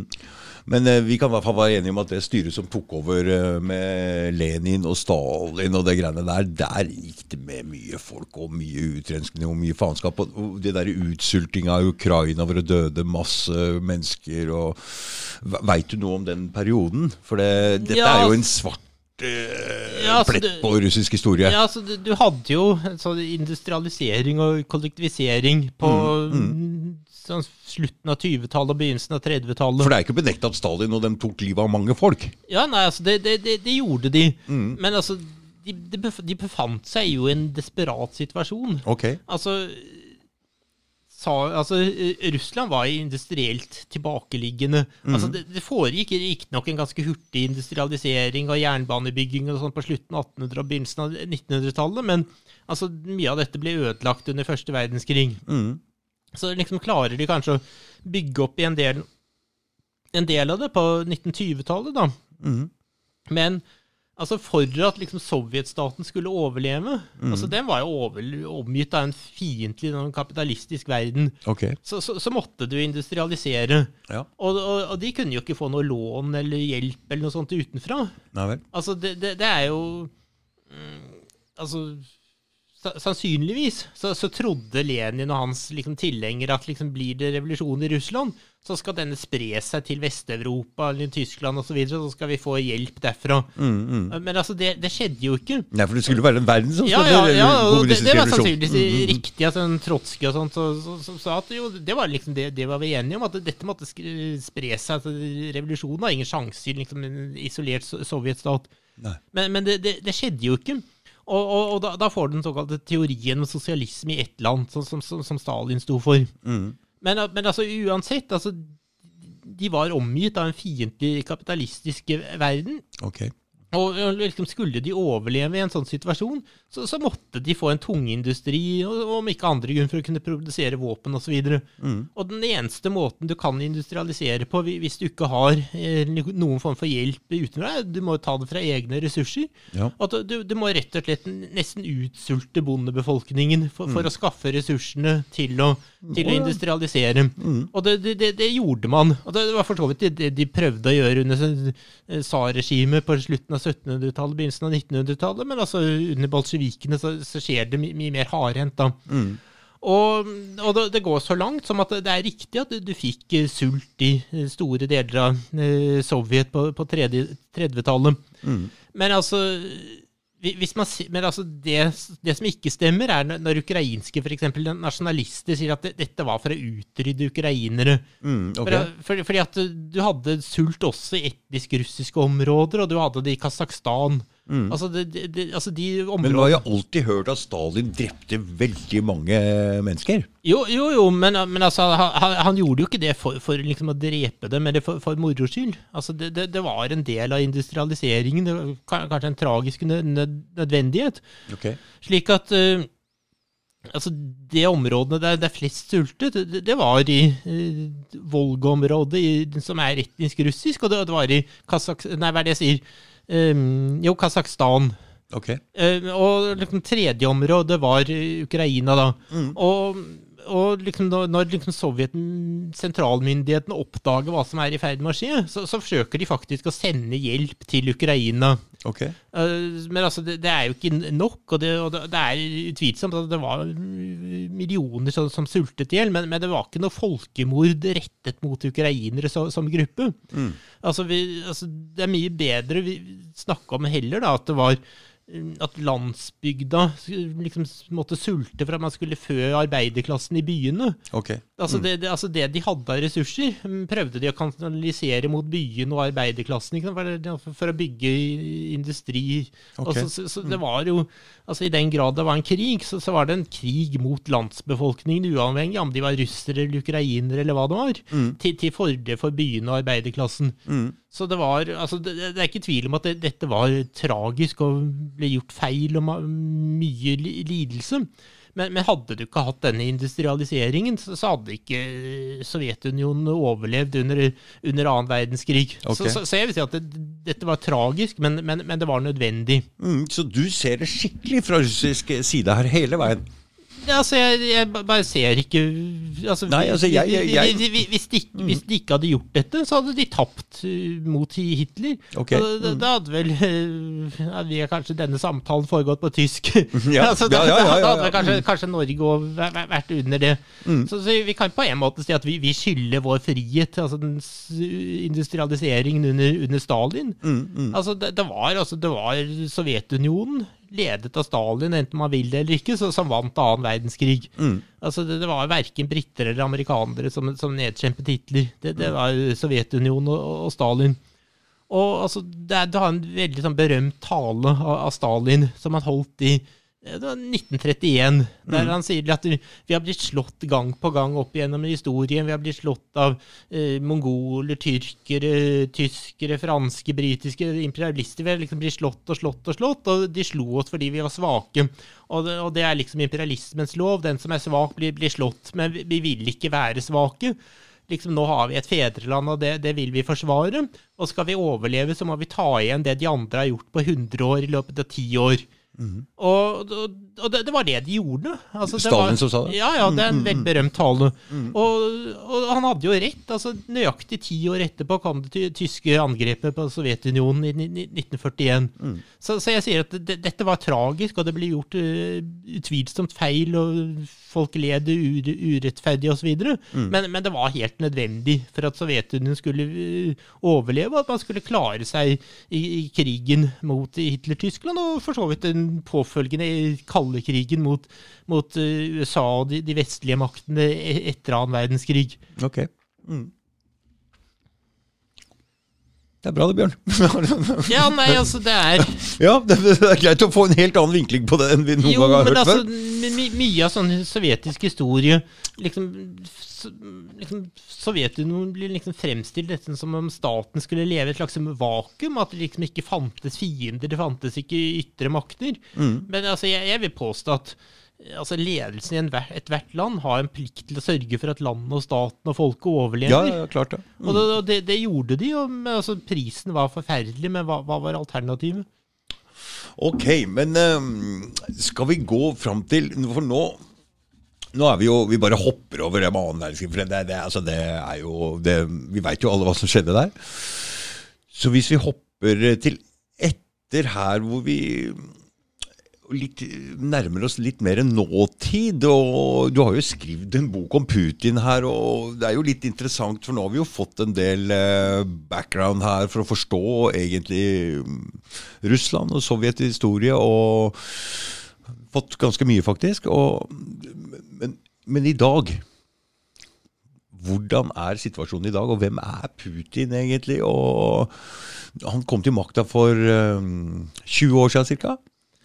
Eh, Det, det er store spørsmål. Eh, altså Jeg vil tro at, eller påstå at Russland er på, på rett vei. Altså Det er et rikt land med enorme ressurser. Du har en befolkning som i motsetning til hva våre massemedier sier, har rimelig stort tiltro til de, de som styrer dem. Mm. Men du, det det er en ting for at vi, vi, vi, vi vil gjerne ha med Norges forhold til Russland her. Og da Forrige gang så begynte du å prate noe om havfordelinga og maktgreier og fordeling her, og hvordan, hvordan Norges rolle Ja, altså, jeg, jeg, jeg, opp mot Russland. jeg, altså, jeg vil si at norske politikere har opptatt veldig dumt i forhold til Russland. Ja. Fordi vi har skaffet oss en fullstendig unødvendig konflikt. Mm. Og jeg, jeg skal prøve å forklare det. Altså, Bakteppet for det er, er de såkalte gråsoneforhandlingene. Mm. Altså, fra slutten av 1970-tallet Nei, fra 1970-tallet så, så er Norge og det daværende Sovjetunionen for, for, forvaltet den såkalte gråsonen i fellesskap. Ja, ja, ja. Og jeg skal prøve å forklare. Altså, da man, man begynte å snakke om å liksom På 70-tallet begynte jo statene å utvide sine liksom, For å beskytte ja, for å utvide sine maritime grenser.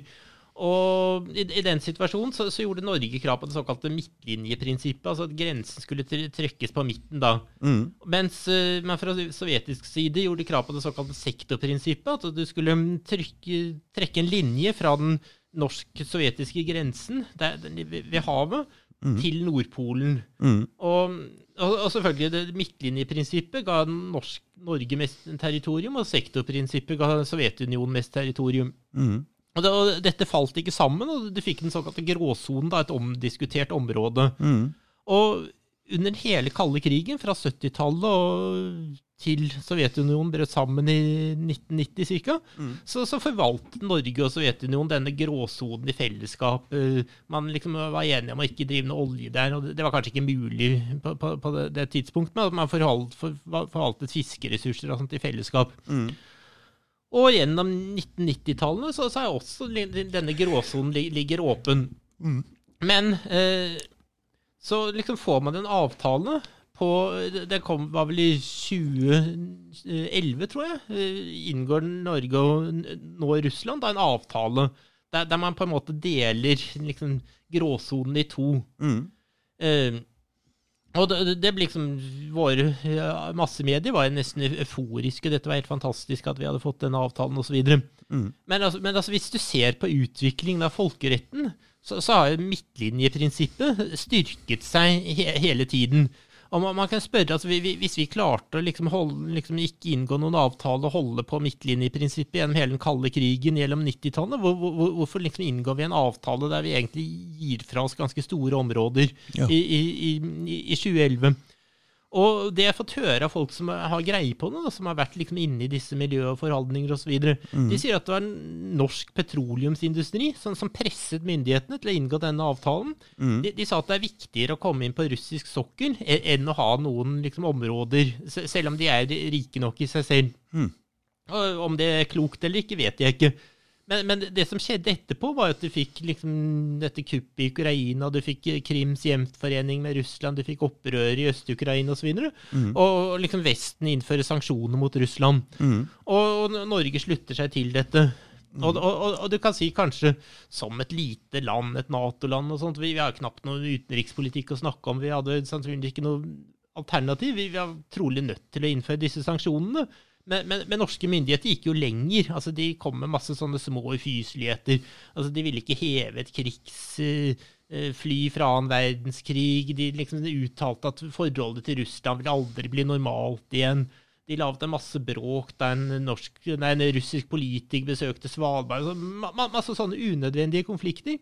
Og, og, og resultatet er jo at det, det er aldri i livet vil, norsk uh, petrol, altså verftsindustri og sånt komme inn på russisk sokkel under sånne forhold. Nei. Altså Russland, altså dels kan de selvfølgelig de har teknologi til å utvikle disse områdene selv. Og de- kan ha samarbeid med Kina, eller de kan de kan samarbeide med Italia. Når, Nå er det jo mange som sitter på den. ja, ja, når, liksom, når disse sanksjonene en eller annen gang må dette gå over, og vi må bare godta at eh, Krim er en del av Russland, og sanksjonene forsvinner. Og da vil jo Russland trenger de noe slags hjelp fra vestlige land, så går de jo til Italia eller Tyskland eller land som har opptrådt mindre provoserende. Så, så da har vi bare gitt bort en masse områder. Og så i tillegg til norske eh, politikere være så dumme at de har produsert, eh, provosert Russland og sagt dumme ting og opptrådt provoserende, så vi har ikke engang fått noe igjen for dette. Mm. Men du, jeg sitter og ser nå at du har på deg en rød genser. Er det Er det eh, for, Ikke sant? Det er jo fargen til Russland, er det ikke? Eller? Ja, altså flagg er rødt, hvitt og blått, Ja, så, ja, så, så så, vårt ja. eget. Men det altså, jo- det, det, det, det er faktisk en utgave av det hollandske flagget. oh, ja. Og det skal gå tilbake til Peter den store. Mm, Så, og, det, og liksom dagens eh, russiske flagg var Ja, Vi alltid tenker på Russland som rødt, liksom, siden det er kommunistisk. Da. Altså, det, altså, dagens Russland er ikke mye kommunistisk. Altså, Nei, det er et nei, nei, eh, gjennomført kapitalistisk samfunn. Mm, mm. Men, men altså, dagens russiske flagg det ble så vidt jeg husker takket altså, Jeg tror det var Peter den store som tok dette i bruk. Mm.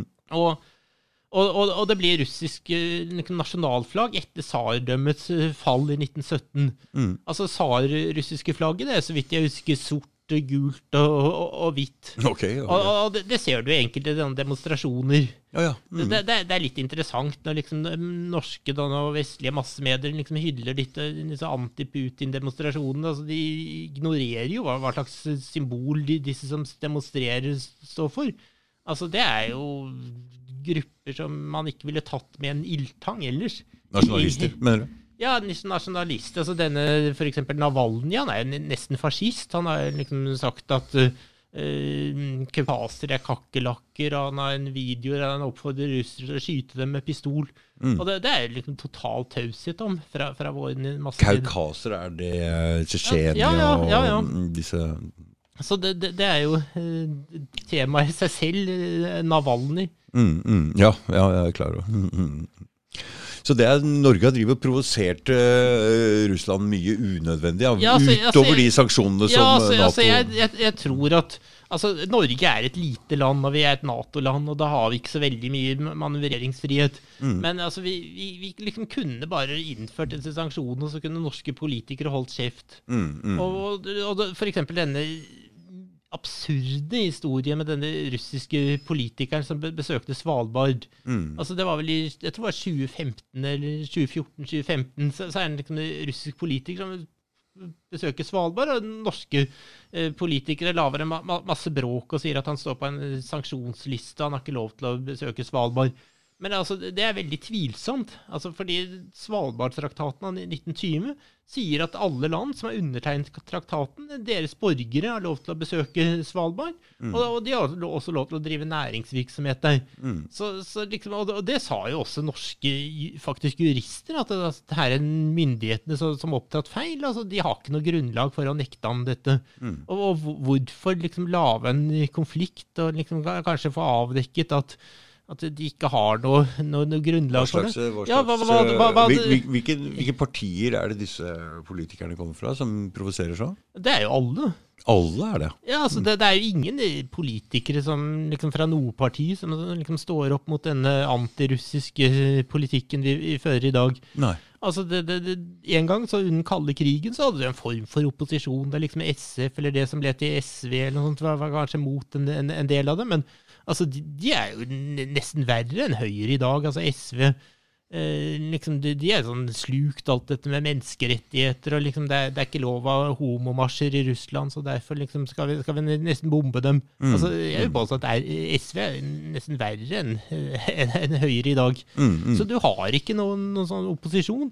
Det nærmeste du kommer, er kanskje en sånn par urokråker i Fremskrittspartiet, sånn type Tybring-Gjedde og sånt. oh, ja. Og også Willoch, da, som, som sa at, man, at det var fullstendig uh, f- forståelig at Russland etter dette statskuppet det tok over Krim. Men, men, men Ja, det er jo ja. unntaket. Så det, det vært Høyre? Ja, altså det, det var Willoch og Tybring-Gjedde Ja. og kanskje en eller to andre i Fremskrittspartiet. Mm. Men altså, de, de, disse SV-folkene de, de, de har jo menneskerettigheter omtrent som religion. Mm, mm. Det er spesielt. Ja ja, det er ille. Skal vi høre om Putin, da? Ja, hva, hva, hva, hva, skal vi si Nei, om du har jo en hel bok her. Ja, ja, så, Kom igjen. ja, altså det, det interessante er jo at Eller det er mye som er interessant, men altså, han har en dobbel bakgrunn. Ja. Altså, han har del... Altså, han er jo han, Det første yrket hans var at han var etterretningsoffiser i det daværende KGB, altså Sovjetunionens etterretning, politiske po po politi. Mm. Det, det er liksom det er den ene bakgrunnen hans. Men den andre bakgrunnen er at han eh, på, på 1990-tallet var eh, sånn rådgiver og nær medarbeider av den liberale eh, borgermesteren i St. Petersburg, Anatolij Sobsjak. Okay. Og, så, så han har en sånn dobbelthet. Da. Altså liksom på ene siden er han sånn, kall det sovjetmenneske, og på den annen side er han sånn pragmatiker for kapitalisme. eh, og og, det- det, ser du jo liksom skattepolitikk og sånne ting i Russland. Det er jo sånn gjennomfør kapitalisme, lave skatter, ikke noe forskjell på omfordelingspolitikk via liksom, offentlige bevilgninger og skatter og sånne ting. Mm. Så, så, så han har liksom en dobbelt liksom, bakgrunn da, som sovjetisk etterretningsoffiser og som liksom kapitalistisk re, re, re, reformator. Mm. Og, og det liksom, tredje elementet som kanskje forener disse to, er at han er utvilsomt en russisk eh, patriot. Du, hvordan går denne rekkefølgen her? Vi har altså Gorbatsjov, og så kommer han der alkoholikeren, og Altså, så er kommer nettopp- Putin, eller? Ja, ja. Mm. Mm. Så det, du, har, du har en sånn teori. Eh, hvordan blir det, da? Altså, Russerne sier selv at eh, liksom, de herskerne som har hatt hår på hodet, har vært de ålreite. Ja. Mens eh, de, de skallete har vært de, de ille. Mm. Og da, det, det, det kan man liksom se på, da, at ifølge den teorien, at Lenin var, var, han var ille. Ja. Altså, han, han var jo nær- nær- nærmest skallet. Det var han som liksom rev ned Tsar-Russland og laget revolusjon og store lidelser og, og. Mm. Og så er det Stalin da, som liksom gjenoppretter staten og liksom redder Og så de liker han. Ja, ja, altså, han var en sterk leder som Ja. Ja. Og, og så kommer eh, Khrusjtsjov, som var eh, skallet, og det var han som sto og hamret med skoene i FN osv. Ja, ja, ja, ja, ja. Og Cuba-krisen. Altså, gjorde en del rare ting. Altså, som, eh, og han har ikke en så veldig høy stjerne, da. Altså, Mm. Det var kaotiske reformer, og det var et nederlag under Cuba-krisen osv. Og, så Mm. og han blir jo da avsatt i en sånn Kall det palassrevolusjon i politbyrået i 1964. Oh, ja. Så, så kommer Brezjnev til, til makten og ordner opp, og han hadde jo hår hår og så videre, og faktisk en Altså Han er, vil jeg påstå, en av de mest undervurderte uh, herskerne man, man liksom kjenner til. Mm. Altså Han var en dyktig hersker, men altså tragedien var at han ble satt for lenge. Da, at han ble nærmest senil på slutten. Han, han burde trukket seg tilbake på um, kanskje midten av 70-tallet, eller noe sånt, men det, det gjorde han ikke. Mm. Men, men han var populær, og så kom en som en Tsjernenko og Andropov, altså etterretningssjefen. Eh, De, de, de døde. De, de, liksom, de liksom fikk ikke vist hva de sto for. Altså Andropov var kanskje en person som kunne ha reddet Sovjetunionen, og en dyktig person, og, men altså han døde, og ma mange beklager det. Mens Tsjernenko var liksom en sånn bare kopi av den nesten senile Brezjnev. Han satt i et år og, og, og døde. Men så, så kommer da Gorbatsjov til makten, og han hadde jo òg liksom skallete med dette sånn, eh, sånn fødselsmerket i Mm, pannen mm. og så videre.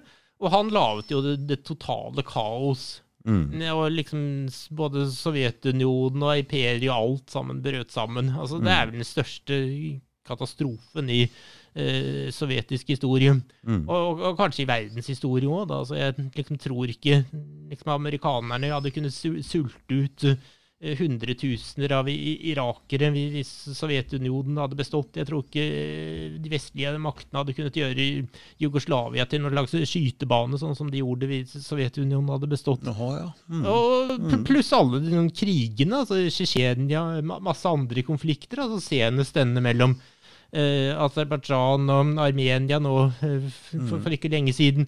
Altså, det, det, altså Det førte til vanvittig store lidelser. altså Det var en katastrofe for folkene i det daværende Sovjetunionen, og det var en global katastrofe i at amerikanerne da kunne gjøre som de, de ville, og totalt ødelegge i, i, Irak, altså både ved selve krigen og med sanksjoner som kunne kostet livet av hundretusener av ir iraker, og eh, Libya òg liksom hadde vel knapt vært umulig altså, Det var ingen motvekt til, til USA. Mm. Og, og, og det var jo kanskje den verste pe- perioden man kan tenke seg i verdenshistorien, var vel 1990-tallet med amerikanerne som gjorde ab- absolutt som de, de, de ville. Mm. Så, så kom jo da Jeltsin, da kanskje unntaket fra denne teorien. Han hadde hår, men det var en katastrofe, han òg. Altså, han var, som de sier, bare en ren sånn fyllebøtte som Mm. eh, gjorde knapt noe som helst for, for, fornuftig. Han liksom bare eh, administrerte det, det fortsatte oppløsningen. Mm. Og, og, og så kommer da Putin som, som, som re, re, redder det. Redder restene. Ja.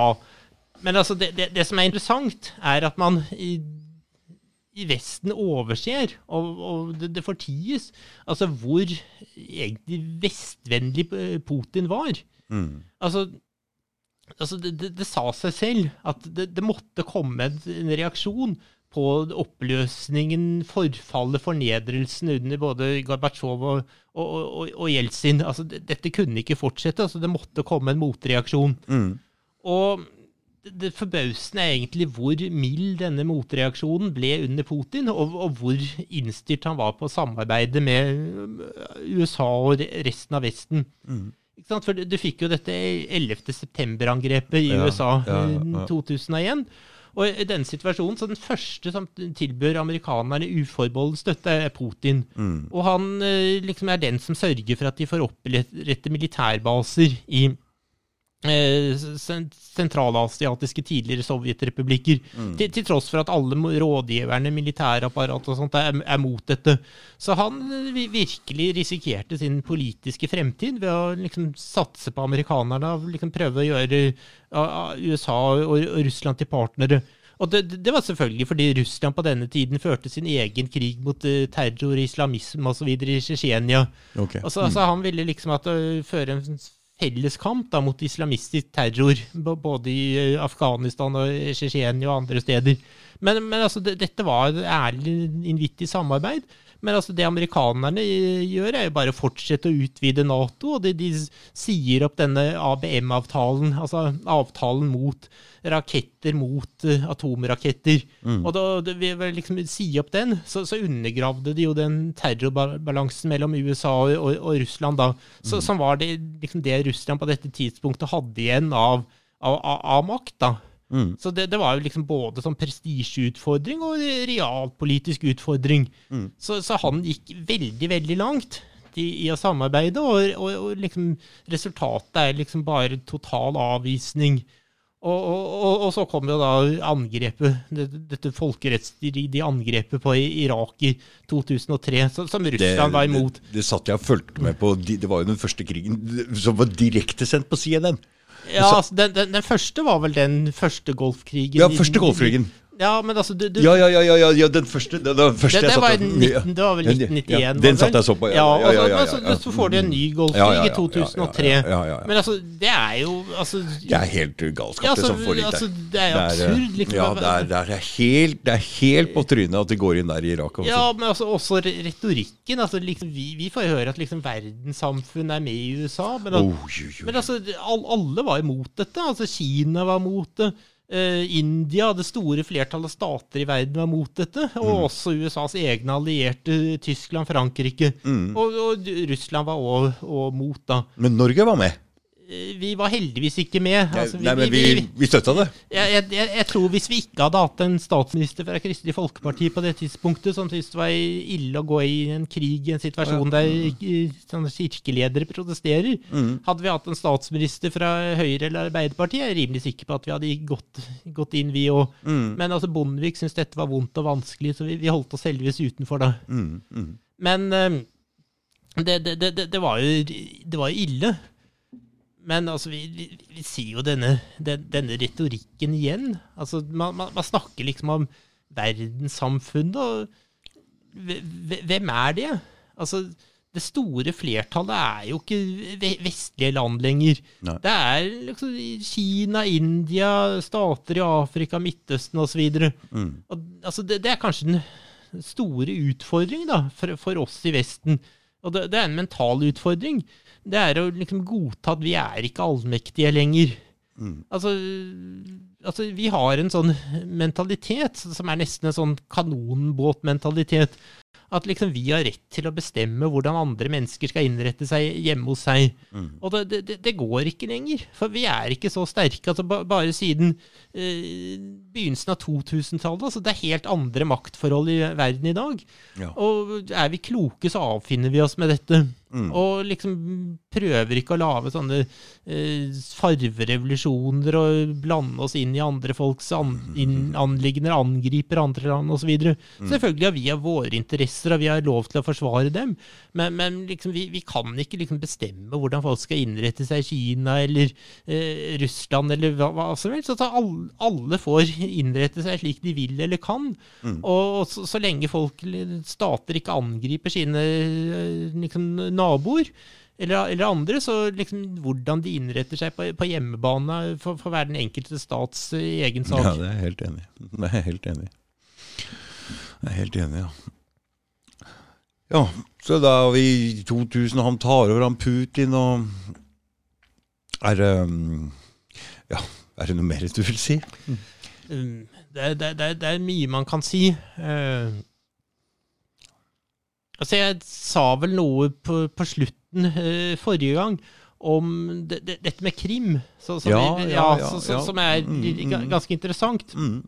For, for, for jeg vil jo si at det er en liksom helt klar parallell mellom krim og, og, og vår egen uh, selvstendighet. Altså, vi, vi, hvis liksom som våre politikere hevder, altså liksom Krims gjenforening med, med, med Russland, vi- hvis det er ulovlig, slik, slik de sier, så, så var faktisk Norges løsrivelse fra Sverige i, i 1905 også ulovlig. For det er altså fullstendig parallell. Jeg, jeg kan liksom rekapitulere det. Altså, Norge havnet i union med Sverige fordi eh, danskekongen hadde tatt eh, Napoleons parti under Napole napoleonskrigene. Og altså, det, du fikk da et- dette opprøret i Norge eh, altså Danskekongen ble tvunget til å avstå Norge til Sverige. For å forhindre det, så, så organiserer danskene et opprør i Norge våren 1814. Altså, det, det norske opprøret 1814 var i realiteten en dansk intrige. Det, det så man ved at danskekongen fortsatte å sende korn til oss osv. Men, men, men i hvert fall, det, det blir en kort krig høsten eh, 1814. Og, og som, som vi selvfølgelig taper, og, og vi må inngå en union med Sverige. Og det, det blir laget en unionsavtale mellom Norge og Sverige, som, som riktignok gir oss et utstrakt indre selvstyre med Stortinget og Grunnloven osv., men, men det er likevel en unionsavtale som setter grenser for hva vi har lov til og ikke lov til. Og det, og det er ikke tvil om at måten Norge løsrev seg fra Sverige på i 1905, ved å avsette den svenske kongen og si at han klarer ikke å danne noen regjering, og derfor er han, ikke legitim konge, altså det var en revolusjonær akt så, som var i strid med denne unionsavtalen. Altså, dette var i strid med, med datidens fo- folkerett. Men vi legitimerte det med en sånn ja, folkeavstemning, da. Og, det. og det er fullstendig parallelt til det som skjedde på, på Krim. Altså, det var en folkeavstemning, og over 90% av befolkningen stemte for selvstendighet og, og gjenforening med Russland. Russland.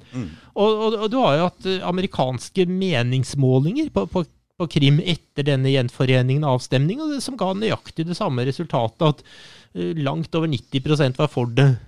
Og, og det er ikke tvil. altså Jeg har vært der både da dette området var under Ukraina, og, og, og senere da det ble gjenforent med Russland. Og jeg snakket med folk, og altså alle er enige om at det, dette er russisk, og det, de er russere. Altså jeg, jeg husker jeg var der på ja, det var 2004 eller noe sånt. Og da, da sa alle de jeg snakket med, at liksom de, de syntes det var veldig ille liksom måten Sovjetunionen ble oppløst på, at de nå plutselig var under Ukraina. For de hadde ingen verdens ting med Ukraina å gjøre. Og det, det stemmer jo at, liksom, at Krim var, plutselig ble Ukraina, bare fordi eh, Khrusjtsjov nær sagt i fylla overflyttet til Ukraina fra den russiske til sovjetiske Nei, til ukrainske sovjetrepublikk. Men altså, det betydde jo ingenting i, På den tiden. Nei. Men altså, alle jeg snakket med var fly forbannet, og de håpet at liksom det, dette skulle bli gjort om. Men altså, da, da var Russland svakt og så videre, så det, det, det var ikke mulig. Men så, så, så var jeg der etter øh, sammen med kjæresten min, men sammen e- etter øh, gjenforeningen. Og absolutt alle er enige om at, det, at dette var bra, og, og at det som skjedde i i Ukraina i 2014, var et fascistisk kupp. og De, de ville rett og slett ikke bli styrt av øh, fascister. altså Det, det var absolutt alle sa. Og liksom i våre massemedier får vi høre at liksom, det er konflikter med tartarer og russere osv. Det stemmer ikke. Altså, jeg var jo tartariske områder, og ing, absolutt ingen konflikter. Den eneste måten du kunne finne ut om noen var tar- tartarer på, var at det, det var enkelte sånne kafeer de ikke Så det går ikke an å se forskjell på tatarer min, og, som nå, lenger nå? det er min minimalt. Altså, det, det, altså, du, du merket det ved at du kunne være i en kafé, og så liksom serverte de ikke alkohol der, da, altså, fordi de er muslimer. Altså, okay. det, det var det eneste liksom, altså, Det var ingen problemer. Altså, folk satt på de busser, og både tartarer og russere og andre. Og, ja, absolutt ingen problemer. og og så, så liksom leser vi masse medier om at tartarer er undertrykt osv. Altså, jeg, jeg snakket jo med sånn menneskerettighetsaktivister, tartarer der, og liksom de sa at de, de var jo sjeleglad for at de nå var en del av, av Russland. Du sa en annen ting òg. Du sa at Krim er eh, Ja, Krim er jo russisk. jævlig fint sted. Ja, vanvittig fint sted. Det er nesten Edens hage. Ja, det var det du sa. Ja, altså, hadde jeg liksom hatt noen liksom, penger, da, jeg prøvde å liksom kjøpe noe, sånn- noe sommerhus der og bodd der. Altså, det, det, altså, det er så fantastisk. Alle burde jo dra dit. Det er en, jo, ja. det er en perle. Mm. Men når kan vi dra dit? Ja, altså, man kan jo dra. Altså, det er ingen som kan nekte deg å dra dit. Altså, du får ikke bruke ko- kredittkort og sånt, for det, det jo amerikanerne skrudd av der. Ja. Men eh, Men altså, han, han sa at det eneste Men det er, det er badeby, eller er det strand? ja, det er strand der. Det er, det er virkelig sånn paradis. Ja. Men, men jeg snakket med en sånn journalister, tar- tartar, jeg snakket med en sånn tartarsk akti- aktivist osv. Han sa at det eneste ukrainske myndigheter hadde gjort i, liksom, etter 1991, da, liksom, da Sovjet brøt sammen, var å prøve å lage konflikter mellom russere og tartarer på Krim. Krim for, altså splitt og hersk. Og han sa at vi, liksom, vi et offer for dette, og dessverre hadde vi dårlige ledere som, lot seg bruke dette spillet. Mm. Men altså, vanlige tartarer er jo kjeleglad for liksom, det sin, og, og ikke andre grunner, fordi eh, russiske myndigheter bruker enormt mye ressurser på Krim. Altså, De har bygget denne broen, men det er bare en del av det. Altså, det, altså, Ukrainske myndigheter brukte jo ikke en, en krone eller hva slags grivna på, på, på Krim. Altså, De betraktet dette som et fiendtlig område. og ja, det var veldig... sånn Er det en grense der nå, eller mellom Ukraina Ja, og Krim? Ja, ja, nå er det jo en grense. Med bevokta av Ja, våpen og altså, alt mulig? ja, ja, altså- Mens det er åpen mot Russland, ikke sant? Ja, ja, selvfølgelig. Så nei, altså, det er et flott område, men altså, før eller senere må vi jo bare godta dette. Men hvis du drar til Krim, så er det helt rolig og fint inni der. Ja, det er ikke noe, noen problemer. Og, og jeg har vært i Øst, eh, Donbas, Øst-Ukraina. Det, det er jo liksom at fullstendig annet enn hva, hva våre massemedier sier. Altså, De påstår at befolkningen der er undertrykket. Altså, Det er helt absurd. Altså, De som er undertrykt, dem er jo dette fascistregimet i, i, i Kiev, som rett og slett har bombet dem. Altså, det, det er helt vilt at de, liksom, de, de sier at dette er en del av Ukraina. Uh, dette er våre innbyggere, men, så, Men du, samtidig, du snakker, samtidig snakker, bomber med, dem. snakker om engelsk der, eller? Jo, det er mange som gjør, selvfølgelig. Ja, du- unge mennesker. Ja, så- så, så, du må Men- ikke kunne russisk. Nei, nei. Men, altså, de, men altså, det, det er ikke tvil om at de oppfatter seg som, som russere, det, er- det er de fleste. Mm. Og jeg, jeg var jo sånn kontoret til en ordfører, og så videre. jeg var sånn valgobservatør der, og da, oh, ja. der henger det bilde av Putin osv. Så. Mm. så, så, så menneskene der, altså deres høyeste ønske er jo at de må bli sånn formelt en del av Russland, slik at uh, dette Kiev-regimet ikke lenger kan bombe dem. Mm, mm. Og, det, og det, det er en stor bitterhet blant folk i Øst-Ukraina og, over at de ikke har fått bli en del av Russland på, på samme måte som, som Krim har blitt det. Altså, det, det er ikke tvil om at det, er mange som er sinte på, på Putin fordi de trodde at det som skjedde eh, på Krim, skulle, skulle skje i Øst-Ukraina òg. Så eh, jeg har snakket med folk høyt oppe i dette systemet, altså i Lugansk, da. Den, der, eh, Så du kan krysse den grensa mellom Krim og over i Øst-Ukraina? Ja, altså, det, altså du reiser til Nei, altså imellom er jo da Ukraina. Mm. Men altså du kan reise inn i eh, altså Krim fra Russland. Og altså, Krim er jo nå en del av Russland. Ja. Og, og du, du kan reise til eh, Donetsk og Lugansk i Øst-Ukraina Altså, fra, fra Russland. Det oh ja, å, ja, ja. Mm, ok. Men altså, altså det, det er jo en del av altså, en sånn tragisk følge av bolsjevikenes nasjonalitetspolitikk. Altså De områdene der, i Øst-Ukraina der det i dag er opprør, Mm. altså det er jo etnisk russiske områder som aldri har hatt noe med Ukraina å gjøre. Mm. Altså, Grunnen til det er at uh, Donbas det er liksom industriområde med, med kull og jernmalm og sånt i uh, det som i dag er Ukraina. Mm. Altså, Da bolsjevikene opprettet den ukrainske sovjetrepublikk på begynnelsen av 1920-tallene, så, så, så var det jo liksom et mål at det skulle være en arbeiderklasse der. Liksom. Fordi, fordi altså, liksom, Bolsjevikene altså, det var jo liksom parti for arbeiderklassen. Det skulle helst være en arbeiderklasse, fabrikker, industri osv. i alle sovjetrepublikkene. Og for å da liksom, at det skulle være noe industri og arbeidere og sånt i den ukrainske sovjetrepublikken, så overførte de da Bondombas, som er et etnisk russisk område, til den ukrainske sovjetrepublikken. Og, og igjen, dette betød ikke all verdens på liksom, i Sovjetunionen, men da liksom denne staten brøt sammen, så, så fikk jo folk der liksom etter hvert høre at de snakket feil språk, de hadde feil kultur, feil verdier osv. Og, og når du da i tillegg får et eh, statskupp og eh, innsetting av et re re regime som de betrakter som et fiendtlig regime, så selvfølgelig gjør de opprør. Altså, jeg, jeg var jo selv og liksom så i administrasjonsbygningen i eh, Lu- Lugansk. Og der liksom pekte de liksom Jo, her liksom var det de ukrainsk krigsfly sendte en rakett. Altså, det, det var bare noen dager etter det, dette statskuppet i, i Kiev, så liksom satt folk i eh, Lugansk. Da, liksom, et møte hva, hva, gjør vi nå? Liksom, er det innsatt en, et sånn fiendtlig regime. Og det, det, første dette regimet gjorde, var å forby russisk språk.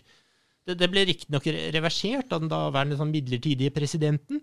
Men altså, det, det, var liksom helt klart at dette var et liksom, regime som var basert på sånn vestukrainsk nasjonalisme, og som folk i Øst-Ukraina forbinder med det som skjedde under krigen med fascisme og, og sånne ting. Og altså, de, de, fortalte at de satt i et møte da, for å liksom rådføre oss hva, hva gjør vi nå.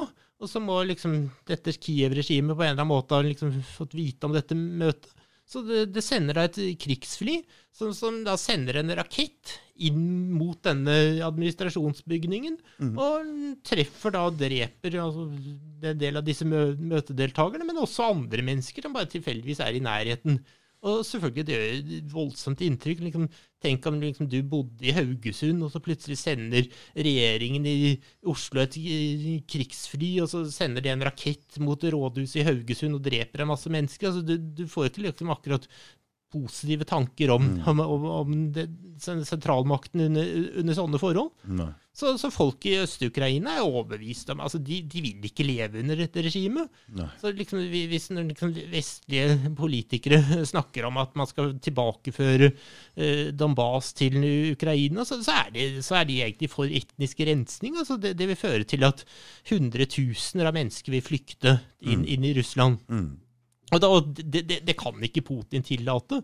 Altså, Han er riktignok mektig osv., men altså, hvis du liksom skulle få noe sånt kroatisk scenario, at du liksom ukrainske styrker skulle erobre Donbas, og eh, hundretusener av folk der skulle flykte i panikk inn i Russland. så Da, da vil det bli opprør i Russland. Mm. Så det, det, det, vil ikke noe eh, russisk styre kunne godta. Mm. Altså, Prøver de på noe, seg på noe sånt, så, så, så blir det krig. Mm. Og, da, Forhåpentligvis er det noen som har vett nok i, fra vestlig side til å fortelle dem at det, dette går ikke.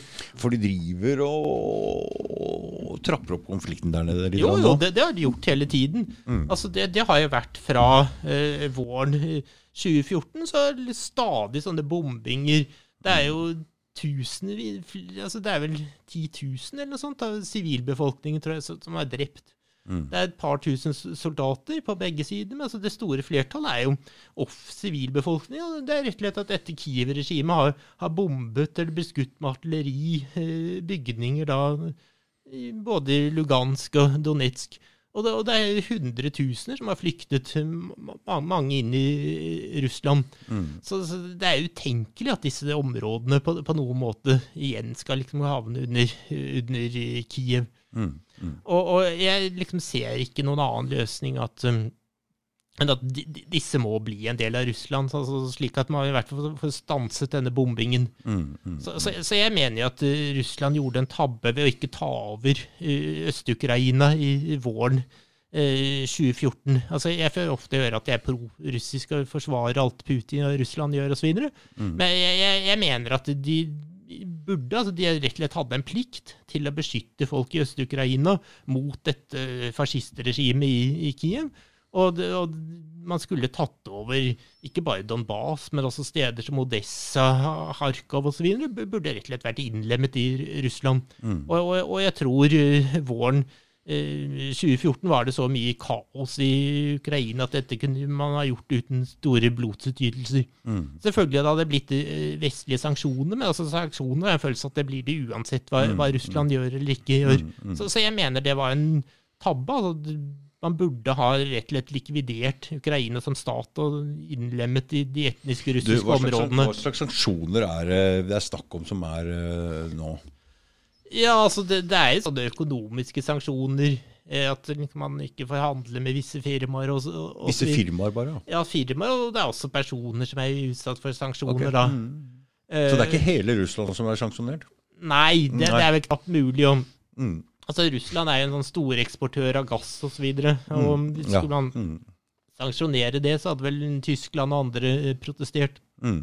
Men, men det, det, er jo en del, altså det, det er bakgrunnen for denne Navalny-saken. Mm. Altså Det har ikke noe med menneskerettigheter og sånt å gjøre, det, det er bare tøv. men... Fordi du mener direkte eh, har noe med den gassledningen altså, som går altså, til Tyskland? altså at Mm. du har fått liksom denne siste runden med sånn bråk om Navalny, er rett og slett en sånn amerikansk spesialoperasjon for, for å forhindre liksom fullføringen av denne eh, gassrørledningen, såkalte Nord Stream 2, Ja. fra, fra Russland til, til Nord-Tyskland. Mm. Og, og dessverre så liksom Hvor mye er det som står igjen på den?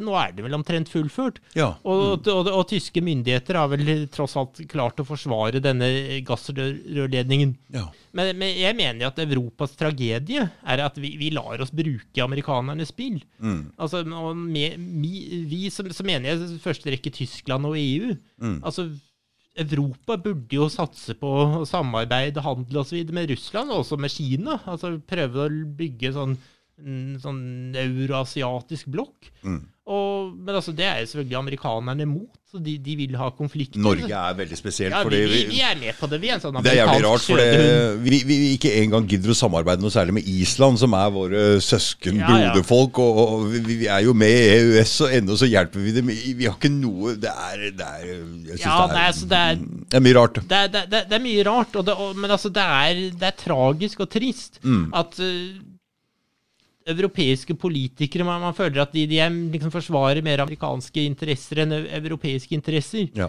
Altså, det er millioner av arbeidsplasser. Det er Tenk hva Europa kunne oppnådd ved å samarbeide både med Russland og Kina. Mm. Men, altså, men det er jo en liksom, hetsing både mot Russland og, og, og Kina. Altså, amerikanerne har jo sin konflikt med, med Kina og, og Russland, men hvor, hvorfor i all verden skal vi være en del av det? Mm. Og, og jeg liksom, som jeg sa liksom for, noen, for noen dager siden, altså jeg liksom føler at amerikanerne sitter rett og slett med sånn kompromitterende materiale på Angela Merkel, og liksom de presser henne. For altså, hvordan kan du ellers forklare at eh, liksom hun som tysk leder har gjort ting som er liksom så åpenbart i strid med eh, tyske interesser? Altså, Tyskland hadde absolutt ingenting, eller EU hadde ingenting, å tjene på dette statskuppet i Ukraina og innsettelsen av et antirussisk regime, som måtte føre til en konflikt mellom eh, Russland og, og dette regimet, og liksom trekke inn eh, liksom Europa lage en ny kald krig osv. Altså, alle måtte vite at Russland kunne ikke godta innsettelsen av et rent sånn fascistregime i Ukraina. Altså, da måtte det bli et opprør på, på Krim. Krim måtte bli gjenforent med Russland. Og det måtte også bli et opprør i Øst-Ukraina. Du, du, bare sånn kort innpå, uten å dra Hviterussland så jævlig inn i her nå. Så vi Erna Solberg der nede prate noe om varmt om den revolusjonen? Ja, altså, gudene- Hva, var noe sånt jeg sa? Jeg husker ikke helt, men Ja, nei, altså det, det er Gudene må vite altså, de, de gjør så mye dumt, de, de fleste norske, vestlige politikere. Men, men, men, men for å fortsette dette med, med, med Merkel altså, det, Dette kuppet i Ukraina var absurd fra et eh, eh, europeisk synspunkt. Altså, Man burde heller liksom prøvd å få til et trekantsamarbeid mellom eh, Russland, EU, Ukraina. Og liksom prøve å liksom bruke Ukraina som en bro da, mellom EU og Russland og videre til Kina. Altså Det hadde vært rasjonelt, og det hadde vært europeisk politikk. Men isteden så støtter man dette kuppet. Det, det er liksom det ene der hun opptrodde mer som amerikanernes eh, kansler enn som Tyskland eller Europas kansler. Og, og det andre som skjedde omtrent samtidig, var at liksom, du fikk denne flyktningstrømmen ikke sant? Det var Ja, ja. fra 2015, ja. der, der hun liksom sier 'vi schaffenes', altså vi klarer det. altså Det skapte inntrykk av at det liksom var, fritt, var fri innvandring til Tyskland og EU. hvor mange kom det? Ja, millioner var det vel. Ja. Og da, det er ikke tvil om at dette var det som førte til brexit i Storbritannia. Mm. Hadde du ikke hatt eh, Angela Merkel med dette vi, vi schaffen das, Mm. så, så hadde du ikke fått brexit. Og, og selvfølgelig er det noen som har tapt på liksom, truing, eh, oppløsning av EU og osv., så, så er det Tyskland og den tyske eksportindustrien. Mm. Så to, altså kuppet i Ukraina og det, dette vi Schaffendas er liksom to helt klare eksempler på at hun har opptrådt på no, en måte som var i strid med tyske og europeiske interesser, men sannsynligvis i samsvar med amerikanske interesser. Altså USA tjener på et svakt Europa, oppløsning av EU osv. Så, Mm. så, så, så jeg vil påstå at du, du klarer ikke å forklare dette, med, med mindre du med, liksom tror at hun at amerikanerne på en eller annen måte sitter med noe sånn kompromitterende materiale på merket. liksom, Kommer fra det gamle det- det Øst-Tyskland, det- DDR. Og sannsynligvis samarbeid med Stasi eller noe sånt, uten at jeg kan, kan vite det. Men altså, hvordan kan du ellers forklare at hun opptrår på de, til de grader i strid med uh, tyske interesser? Altså, det, det er ikke mulig. Men altså, du kan ikke si liksom sånt høyt. Da får du høre at du driver Du med sier det høyt. jo, jo, men altså, du, du får høre at du driver med konspirasjonsteorier. Men altså, fins det noen annen forklaring på det? Nei, jeg tenker vi bare runder av der. Ja, det var jævlig hyggelig og det var interessant å få høre dine, dine synspunkter på det hele. Det er uh, veldig Tusen takk skal du ha, Bjørn. Det var ve veldig hyggelig. Takk for at jeg ble invitert. Ja, hamburger fikk du òg! Ja da, det var, det var trivelig på alle måter. Ja. Ja. Tusen takk. Greit. Ha det. Ha det godt.